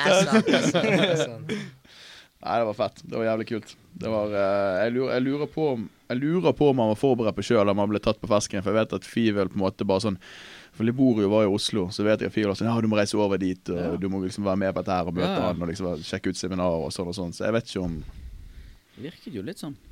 Han ble Ja, jeg, jeg, det var jævlig kult. vakkert. Vakkert, iallfall. Prøvde å fortelle det til andre rundt meg, i, sånn på jobb og sånn. De var litt sånn Ja, nei, da får jo du den at de kjenner folk, andre folk som har svart belte i taekwondo. Og litt sånne ting som det. Det Så. fikk de når de var tolv år. så Ut av en eh, sånn eh, happy meal. Nei, men det er veldig fint. Nei, men jeg synes det er, det er veldig interessant det der psykologiske og det å rydde i oppi hodet. Og sånn som i dag når vi var på seminaret ditt, så var det ja, Jeg synes det var perfekt balanse for uh, oss som er Kanskje ikke har liksom mulighet til å være uh, ja, så mye på mattene, og har liksom eh, ikke mulighet til å liksom gå all in som mange av de unge har, og de som trener hele tiden, men likevel klarer å henge med på et seminar. Det er veldig kult. Så det var Det funket kjempebra. Også, Det han som jeg drillet med i dag, som er en sånn som hadde liksom tatt, blitt tatt av storm uh, Tatt de siste av sporten med storm og bare Han har gått all in det siste året og virkelig trent. Han trener sånn tre til fire ganger i uken, men når han går hjem, så han helt Han, han jiu-jitsu kun fokus når han kommer på trening, så han er litt sånn halvveis til, men han trener veldig mye. Og så, sjøl for han som er dette posisjoner som er veldig ubehagelige, men så stiller han deg noen spørsmål, så kommer du bort og forklarer reseptene. Vi liksom, Før vi begynte på Matrixen, da, så, var, så begynte han å bli veldig komfortabel med å liksom Om ikke han klarer det helt, så klarer han å se hva det er han skal prøve å oppnå, og hva han skal jobbe med. og liksom, det var, det var, Jeg syns det var ganske kult, for at han har ikke trent så lenge. Men likevel så var det et seminar han på en måte følte han fikk noe ut av. For han mm. «Ja, 'Jeg prøvde å sette opp en garn før, men det funket ikke, for jeg gjorde sånn.' Og så kommer du bort og ja, du må ha foten oppå um, oppå skulderen, så du kan ikke ha den på hoften her, og sånn, og så styre der og dra. Og så dette med å snu grep inn i lapellen, og sånn, så blir han litt sånn 'Å, helvete, satan, det Nå skal jeg faen meg vise folk på mandag'. Det er fascinerende å se. ja, øh. Fascinerende å se deg òg. Du eh, sammen med din partner der. To menn på Jeg vet ikke hvor mye dere veier til sammen. til sammen Nei, du vet 125-30 kilo, tipper Det jeg. er et kvart tonn til sammen med de to, tror jeg. Legg på noe klassisk musikk, kjør deg sånn. Ultra heavy. Herlig. Er det noen som aner hvor lenge vi har kjørt nå, eller her? Nei, det er Ja, et godt spørsmål. En time og 20. Ja. Jeg vet ikke, Er det noen som har mer på, på hjertet, eller er det Ja, mer på hjertet. Men eh, det jeg tenkte å dra inn, var jo Ja. Vi var jo innom det siste podcasten. Ja. Eh, Sipo er jo veldig flink på å skrive ned en sånn flowchart med hva han planlegger gamet sitt ut ifra. Um, han startet jo med sånn som i konkurranse, hva planen din er, da. Mhm. Og er det pull of guard, så skriver du det liksom i Ja. sentrum, og så går du inn for delehiva eller ikke sant, ulike guard osv. Uh, du husker kanskje det? Ja, ja. Nei, og så tenkte jeg Det kan du jo for så vidt også gjøre med litt med trening også. Ja. Sånn i forhold til Spesielt i starten. Uh, ok, det første du lærer er kanskje close guard, og så kan du heller begynne å på en måte skrive litt ned, eller eventuelt filme, eller. Ja. Du har jo flere måter på en måte behandle all informasjonen du tar inn. Mm. Og så kan du heller se opp, eller uh, lese deg opp igjen, da, på Mm. det. Så det er jo en måte å Det er jo det. Men det er òg noe med å bli minnet på Altså ofte som når man er hvitbelte og blåbelte, så gjør man kanskje de samme feilene om igjen og om igjen. om igjen. Og det, det gjør vondt å bli minnet på alt du gjør som er dårlig, men det er helt utrolig hva du lærer av det. Men det er sånn hvitbelter skal ha det. De skal, de skal føle litt smerte. Ja, Det er, det er sånn de får litt ydmykhet Jo. i blodet i starten. det og gjelder så- overraskende mye blått òg, må jeg bare si. Jeg tror jeg Men- men det- det her er- Men hvis noen poengterer da at liksom du alltid tar sånn eh, kneet ditt for lavt ned når du er i halfguard, da. Noen får liksom presse kneet ditt ned. Jon. Eh, så, så er det sånn når noen alltid hver gang de kommer der, så poengterer de til deg, så lærer jo du av det. Det er liksom det. Men hvis, hvis du ikke blir Hvis du har for mye ego, så er det vanskelig å lære jitsu. Det er jo sånn det du må tåle. Men, men du, må ha, du må ha litt ego òg, sånn at du har lyst å gå og vinne og lyst til å prestere. Så du, jeg, jeg føler det der med at folk sier sånn her 'ingen ego', det er litt feil. For at jeg har, jeg har alltid blanding. lyst å være den beste. Og så har jeg alltid lyst å gå mot den beste, og så må jeg treffe han, og så må jeg få bank hver gang, og så må jeg lære sånn herre Å, du er ikke så god, du må gå og bli bedre. Og så må du komme tilbake igjen og prøve å vinne mot han bedre. Du kan ikke bare innforstå deg med at du er der du er. Du må alltid ha denne lysten til å bli bedre og klatre oppover i Et greiene. sunt ego, da. Ja, et sunt ego Ja, tror jeg er mer riktig En som kan se sine egne feil og forbedre seg, men selvfølgelig skal ambisjoner om å, å Ja, og en seg. som, en som har evnen til å forstå at sånn der, der du er nå, Mm. det er vel og bra, men du kan bli bedre. Det er Du, liksom du, du, du er ikke ferdig ennå. Du, du, er ikke- du er ufullstendig, og du må bruke hver dag på å ligge litt til. Istedenfor å bare låse deg fast og bli sånn stiv leire som ikke flytter på seg. Ja, men jeg tror mange husker spesielt godt hvis noen på trening sier sånn Hvorfor gjør du det? Altså, liksom Det er jo helt Altså, du, du liksom At du blir litt Ikke ydmyket, da, men at du Det blir sånn poengtert liksom. Jeg føler, jeg, føler det, jeg føler det er to ulike måter å ta den på. Jeg føler Ja. ofte hvis jeg går mot folk som jeg ser de gjør en åpenbar feil på, så er det noen folk jeg sier til sånn Du må huske å gjøre det der. Så sier de Noen folk de sier 'jeg vet det'. Ja. Og da vet jeg sånn OK, du sier at du vet det, Ja, ja. men du gjør jo det likevel. Og det er en tydelig feil i det du holder på med. Så du kan svare 'jeg vet det', og så kan jeg gå vekk. Og da kommer ikke jeg til å påpeke det en gang til. Og så er det noen som sier sånn 'Å, ja, ja, ja, ja, nei'. Jeg glemmer det hele tiden. Jeg skal prøve Ja, ja, passe på det. Og så prøver de å implementere det og prøver å ta det med seg videre. Og jeg er ofte i situasjoner der så For eksempel, jeg, jeg, jeg trener med Tariq, og så gjør han, så vinner han mot meg, og så går jeg så vekk derfra og tenker sånn Ja, han er jo bare bedre enn meg. Og så sier han til meg sånn at Ja, du må bryte det grepet. Selvfølgelig vet jeg at jeg må bryte det grepet. Med en gang han sier jeg må bryte grepet, så skjønner jeg sånn Å ja. Jeg må flytte fokuset mitt på at hver gang han får det grepet, så må jeg huske på å bryte det grepet. For jeg visste allerede at jeg måtte bryte grepet, men det spiller ingen rolle, for jeg brøt ikke grepet. Det var ikke det jeg gjorde på. Så nå må jeg gå tilbake igjen og skrive det ned og si til meg sjøl bryt grepet. Ja. Ellers så får du ikke posturen din tilbake igjen. mantra bare Bryt grepet. Tariq, Kanskje du holder oss oppdatert på akkurat det der? Du, Jeg har begynt Han- å bryte Jeg har begynt ja, å han, bryte han grepet. bryter grepet, og ikke minst det er irriterende, fordi altså så snart du mister grepet på en fyr, så begynner han å flytte på seg mye mer. Hva, hva, hva, hva posisjon er det vi snakker om? nei, dette er bare helt starten. Går inn, prøver på kjipe kneesliden min. Han sier nope, stopp. Griper kolleren min, og så prøver jeg å kneeslide videre. Men nå har jeg sluttet på det. Nå har jeg prøvd å trekke meg tilbake igjen. Bryte grepet og starte en ny passering istedenfor å gjøre det samme. Det er veldig slitsom. Det er veldig slitsom Ja, det er veldig slitsomt. Jeg skjønner hvorfor jeg har skippet det. Jeg skjønner hvorfor jeg har droppet det. Jeg skal si deg én ting. Det er, en, det er mye mer slitsomt for han å fortsette å prøve å kneeslide med det grepet. to, det gjør det verre for min del, fordi ehm, hver gang han bare kneeslider med grepet mitt på colleren, så er det så å si ingen energi brukt fra min side å bare holde kontroll, egentlig Ja. bare styre han litt unna. Så med en gang han begynner å bryte grepet, og han driver og egentlig beveger mye mer og kan egentlig potensielt passere meg mye bedre, da stresser jeg mye Ja. mer, ikke sant? Faen, Jeg, jeg liker at han sier 'kan potensielt'. Akkurat som det aldri kommer til å skje. Teoretisk sett, hvis det var en hel sprø Jeg kan ikke gi deg Ja. fadderikk for Fucked up verden. Var det noen av dere som eh, Tilbake til det med flowchart. Noen av dere som så bildet fra Jon? Nei.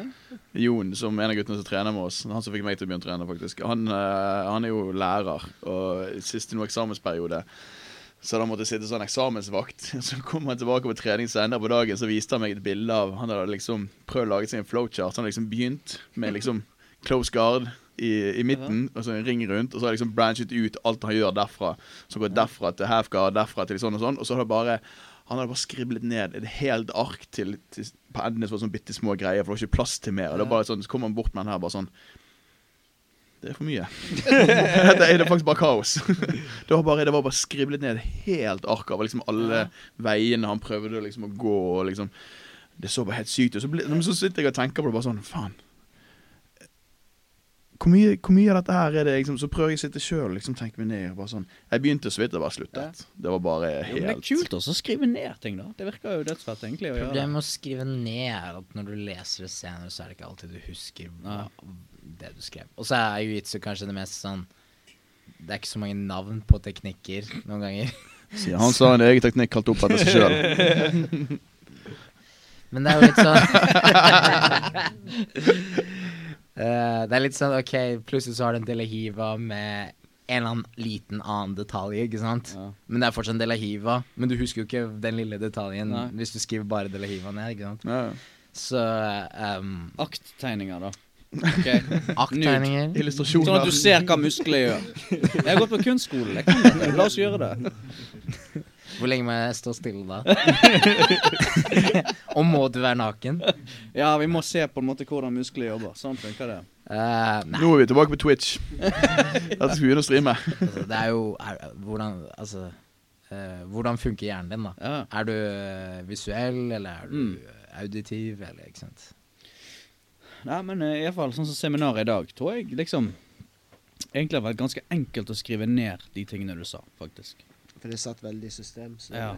Super. Ja, det var det. Det var jævlig kult. Du begynte liksom med én setup, og så jobbet vi Og så var det liksom samme fundamentale hele veien, og liksom litt endringer her og der, og litt sånn, og an, hvor han du driller på, har en annen respons, så derfor må du gjøre noe annet. Sånn, act and react. Ja. Men det var liksom samme fundament hele veien. Og det var, det, jeg synes det var jævlig kult. Og mye av tiden når vi lærer teknikker, så blir det satt for lite fokus på hva partneren din skal gjøre. Sånn at ja, ja, det, det blir på en måte litt lagt opp til at partneren din skal gjøre den riktige tingen. Men hvis ikke partneren din får beskjed om hva akkurat den riktige tingen er å gjøre, Mm. så blir det gjerne til at sånn at du prøver en teknikk sånn åtte ganger, men får ikke den helt til, så kommer treneren bort og sier sånn Ja, men det er på når han, han nå, nå, nå står han på begge føttene sine og ikke har ene kneet ned i bakken, og derfor er dette helt umulig for deg. Sånn at det ble veldig mye ryddigere når begge to hadde klare, definerte roller for hva de Mm. skulle gjøre.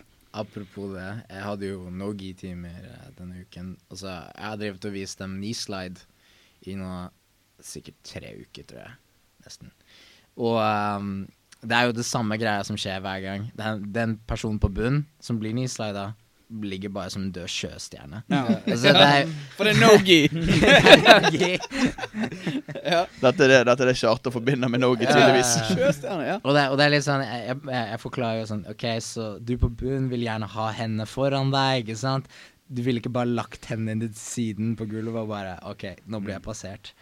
Så Og de gjør jo ikke det i sparring, men Nei. på en måte det å fortelle dem at når du driller, så gjerne simuler litt den samme bevegelsen du ville ha gjort i en sparringssetting. Ja. Så at det ikke blir helt kunstig. Men hvordan går det med no-gi igjen? Er det god stemning der? Veldig god stemning. Jeg tror Ja. vi uh, Hvor mange har vi vært nå? Jeg tror den er Oh, den siste treningen, den var 36 stykk. Var det det? Det var, det var mange. Det var Jeg husker, bra. jeg husker det var sånn fem-seks stykker mindre enn jitsu BE eh, beginners-teamen. Hvor jeg husker sånn shit. Men det er litt skam at det er altfor få av de høyere beltene som bruker noe tid på Norge. Altså. Ja, det er det. Det er litt flaut for klubben vår. Vi Det- burde ha, det vi burde ha lang- større deltakelse av de som har gått der en stund, og som er flinke i BE og, og trener submission wrestling. Det, det, den føler jeg òg. Og jeg er veldig takknemlig sånn som når Christian joiner. Og da jeg, kan jeg undervise og vise med han. Ikke minst han kan gå rundt og hjelpe meg. Men ehm, ja, og av det har vært så få, så har det tatt meg såpass lang tid å bygge den klassen opp. For det er ikke før nå at jeg merker at det boomer skikkelig, Mm, og at vi kult. får en god uh, gjeng, da. Det, det jeg merker nå er, som er litt stressa, fordi vi har jo bare ett parti, egentlig. Uh, vi har én sånn fredagstrening som er litt sånn advanced, eller viderekommen, men ellers er det bare beginnerpartiene.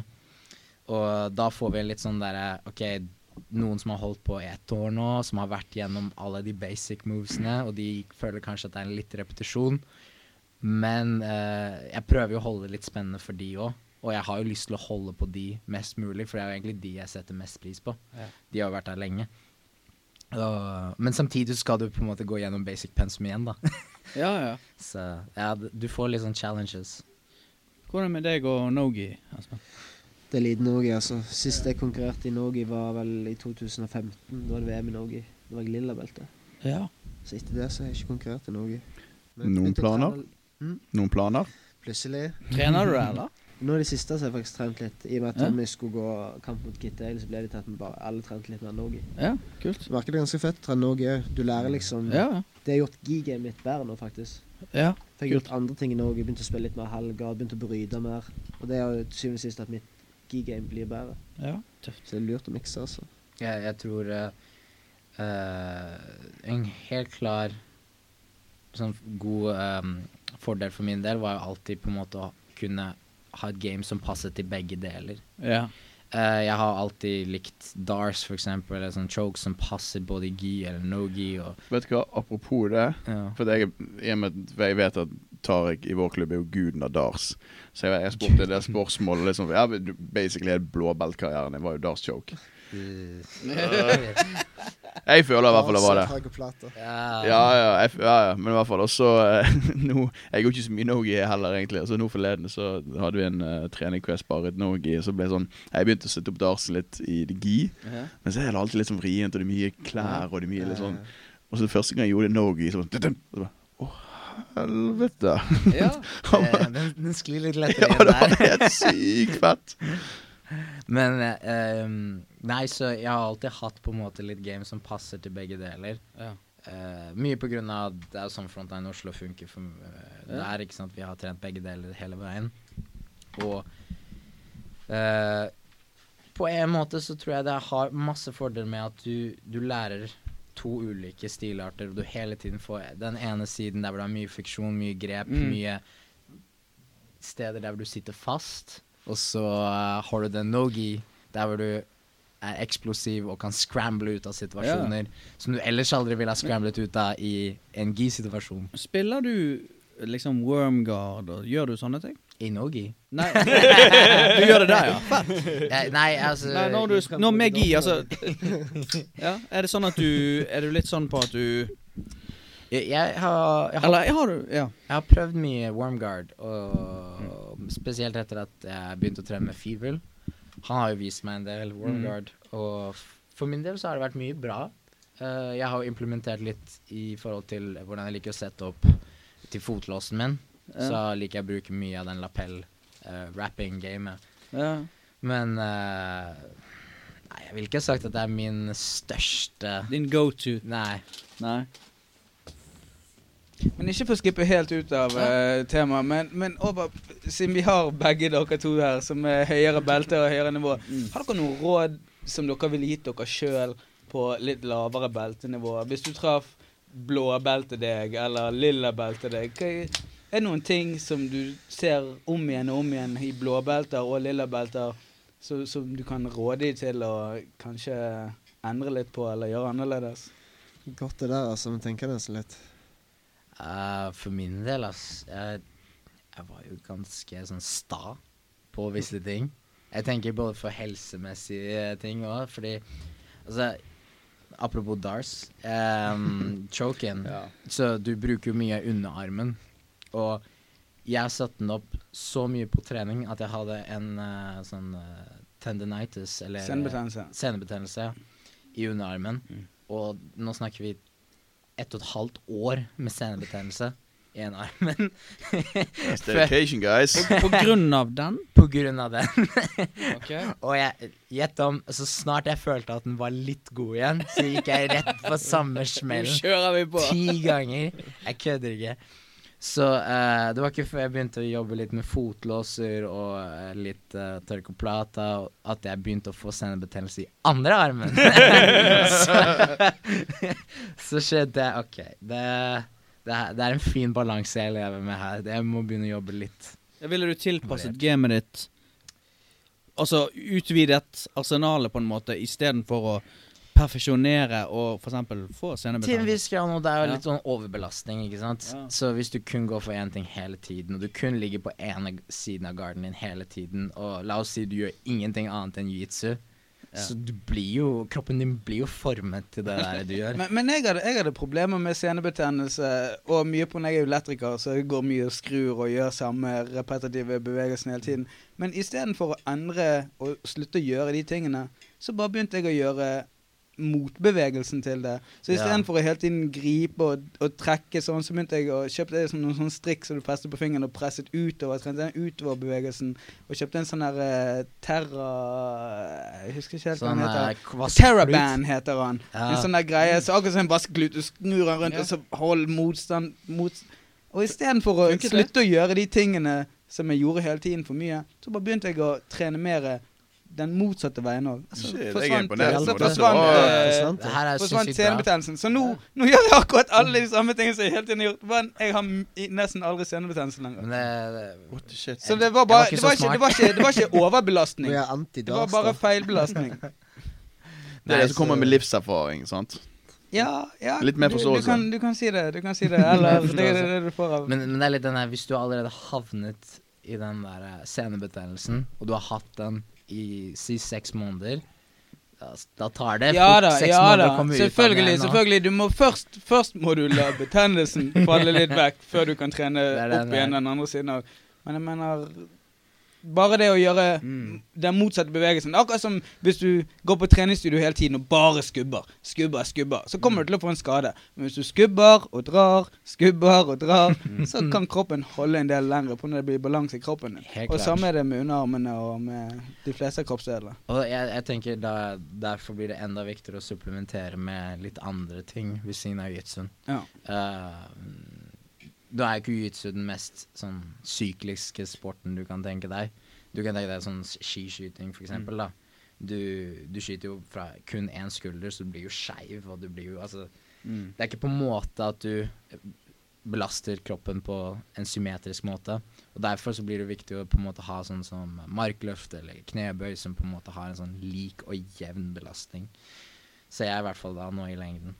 Spesielt når vi har en sånn klubb som vi har, der alle er enige om at vi bare passerer på ene siden. Og vi bare forsvarer på ene siden! Og vi bare ligger og krøller oss til ene Stå, siden! stå på døren! Det er det diggeste jeg vet. Det verste er at det er, du blir vant til det, og så kommer jeg ned til Haugesund, og så kommer Espen og passerer meg på venstre side. Jeg bare sånn Nei, nei, nei! nei, nei, nei. Hey, wow, wow, Vi har en regel om dette her! Vi gjør det ikke! Vi må snakke sammen. Nå! Men da eh, jeg, jeg tror jeg skal, jeg skal ta en charter i dag, siden jeg sitter på eh, uret bak oss her. Men jeg tror vi, jeg tror vi skal rappe det opp, ass. Ja, men kanskje Har du et siste råd, eller? Vil du avslutte, Espen? Siste, har, du, har, du, har, du, Siste har råd til, til blåbelte, Espen. Til blåbelte, Espen. Ja. Ja. Det er vanskelig, den der, ja altså. stay off uh, mindre World of Warcraft? Mindre World of Warcraft. Ikke force. Ikke forsa. Ja. Nei, rett og slett ikke lås deg til ett game. Det merker Ja. jeg jo mye på blå. Okay. Jeg gjorde utrolig mye bærenbolo. Og Ja. nesten bare Mm. bærenbolo. I okay. alle kampene mine. Hvis du ser highlighten min fra, fra EM, så hadde jeg sju kamper og tror jeg seks bærenboloer. Men var ikke derfor du ble så veldig flink til det? Kanskje, kanskje, men Ja, vi er uenige sånn- med rådene dine nå. uenige med rådene. Nei, men jeg tenker sånn Det er bra å ha ett game, men allikevel, hvis du tenker langsiktig, hvis du tenker du skal klare deg på svartbeltenivå, Mm. så er ikke det en det er på en måte ikke en sustainable ting at du skal kun ha ett triks. Nei. Du må spre det ut. Så det kommer kanskje til at du vinner mer konkurranse i blå, men Mm. det kommer ikke til deg til en god svartbelte nødvendigvis. Ja, det handler om å bygge et hus med et stort nok fundament, så liksom så at liksom du kan det. bygge videre på det. Mm. Istedenfor at det blir et smalt, lite hus som Avhengig blir tre etasjer, og så kan du ikke bygge høyere. Det er jo liksom akkurat det du trenger nå for tiden, se på. Jeg har Et stort trenger et hus. stort hus. Lei det. Herlig avslutning. Skål. bare, og eh, takk. Tusen takk til eh, Stian, som Ja. fikset oss studio. Det var jævla fett. Ja. Og- AKA Satian. This is DJ name. Ja, få, få inn Instagram-handle uh, Instagram uh, handle inn òg, så folk finner deg på Instagram. Ja. Det er Espen Mathisen. Og sjekk ut Wolfinghouse. Wolfing House. ja. Wolfing House. Wolfing House. Veldig Der det skjer. Kult å ha besøk av deg i Bergen.